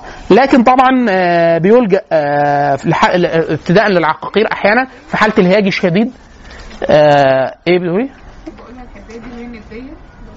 الشخصيه لا لا لا الحدية لا ال borderline حدية يعني إن هو أحيانا بي بي بيروح من من اكتئاب لهوس هوس لاكتئاب يعني إيه؟ ما إيه؟ لا الثاني ثنائي القطب بس هم ملبسين مع بعض يعني في حتة إحنا قلنا كلهم فيهم ده حتى ملبس مع هستيري ونرجسي. هو آه، وما antisocial. بس برضو التشخيص الفارق هو بطة. خلصنا هو بنقول هتاكلي هتاكلي إيه؟ كب كيك إيه؟ لا مفيش كب كيك هنا. طيب ماشي. لا مفيش ك... في البيت في كب كيك في ك... ناكل في البيت كب كيك هنا؟ لا خلص أهو. ده شوكولاتة؟ آه لا ده شوكولاتة مش كب كيك طيب هناخد معانا. هناخد ليا وليكي ولتيتا ماشي؟ طيب استني اخلص معاهم المحاضرة وأجي. يلا روح لتيتا قولي لها هيا بينا. يلا. انصرفي. جيب لي لا ما هجيب لي. أيوه هجيب. أنا ه... طب ما مش هتوقعيها إحنا بنعتذر للناس اللي سامعانا دلوقتي في التسجيل. عشان نشرح لهم. مش هتاكليها في الطريق؟ ماشي.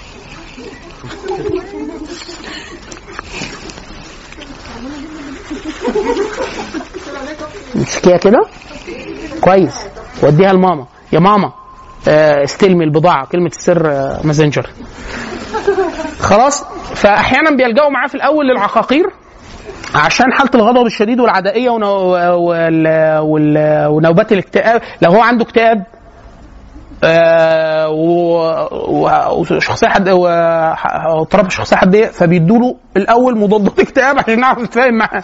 لو هو نوبات غضب شديدة جدا بالذات الغضب اللي هو إيه؟ اللي بيوصله لإيذاء النفس وإيذاء الغير. يعني هو أنت مش عارف تمسكه. لو سبته هيأذي كل اللي حواليه. أو سبته هينتحر. أو سبته هيأذي نفسه إيذاء بدني شديد جدا. طب أنا عايز أتعامل معاه. إحنا لسه قبل ما أتعامل معاه أصلا عايزينه يفضل حي. آه فيا إما مضادات الاكتئاب يا إما آه حالة الغضب الشديد حاجات تهديه وبتاع عشان نوصل بس إن إحنا نبدأ نتكلم معاه. طبعا العلاج الإدراكي السلوكي بيبقى فارق جامد جدا. ليه؟ لأنه أنت بتوصل معاه الف... أنت بتحاول تفهمه استبصار بذاته وهو إن صورته عن العالم مش صورة مش مظبوطة. الصورة المثالية دي مش مظبوطة صورة الانحطاط الشديد جدا لقيمته وصورته للذات مش مظبوطة وهكذا إيه اللي بيحصل له؟ إن أنت أحيانا حاليا في حالة كذا بعد كده هيبقى ضدها بعد لما استبصاره بنفسه بيزيد بيبقى القدرة على آه علاجه آه أزيد. المرة الجاية إن شاء الله نستكمل الاربع حالات ال- الاكبر الأربع اضطرابات الأخيرة اللي هم الهستيريا والنرجسية وبعض الاضطرابات الأخرى وهنتكلم على مقاييس قياس الشخصية سواء ال- الحاجات الكمية أو آه، المقاييس الإسقاطية اللي هي مبنية على نظريات التحليل النفسي ثم ننتقل إلى المقارنة ما بين بعض الصفات ما بين علم النفس الغربي وما بين الشريعة زي الكبر والعجب وبعض هذه ال- الثنائيات. سبحانك اللهم وبحمدك أشهد أن لا إله إلا أنت أستغفرك وأتوب إليك.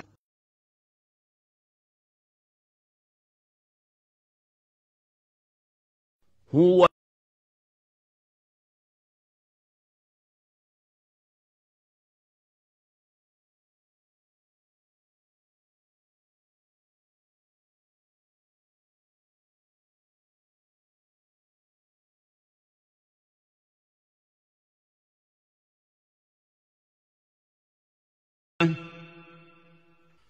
我与我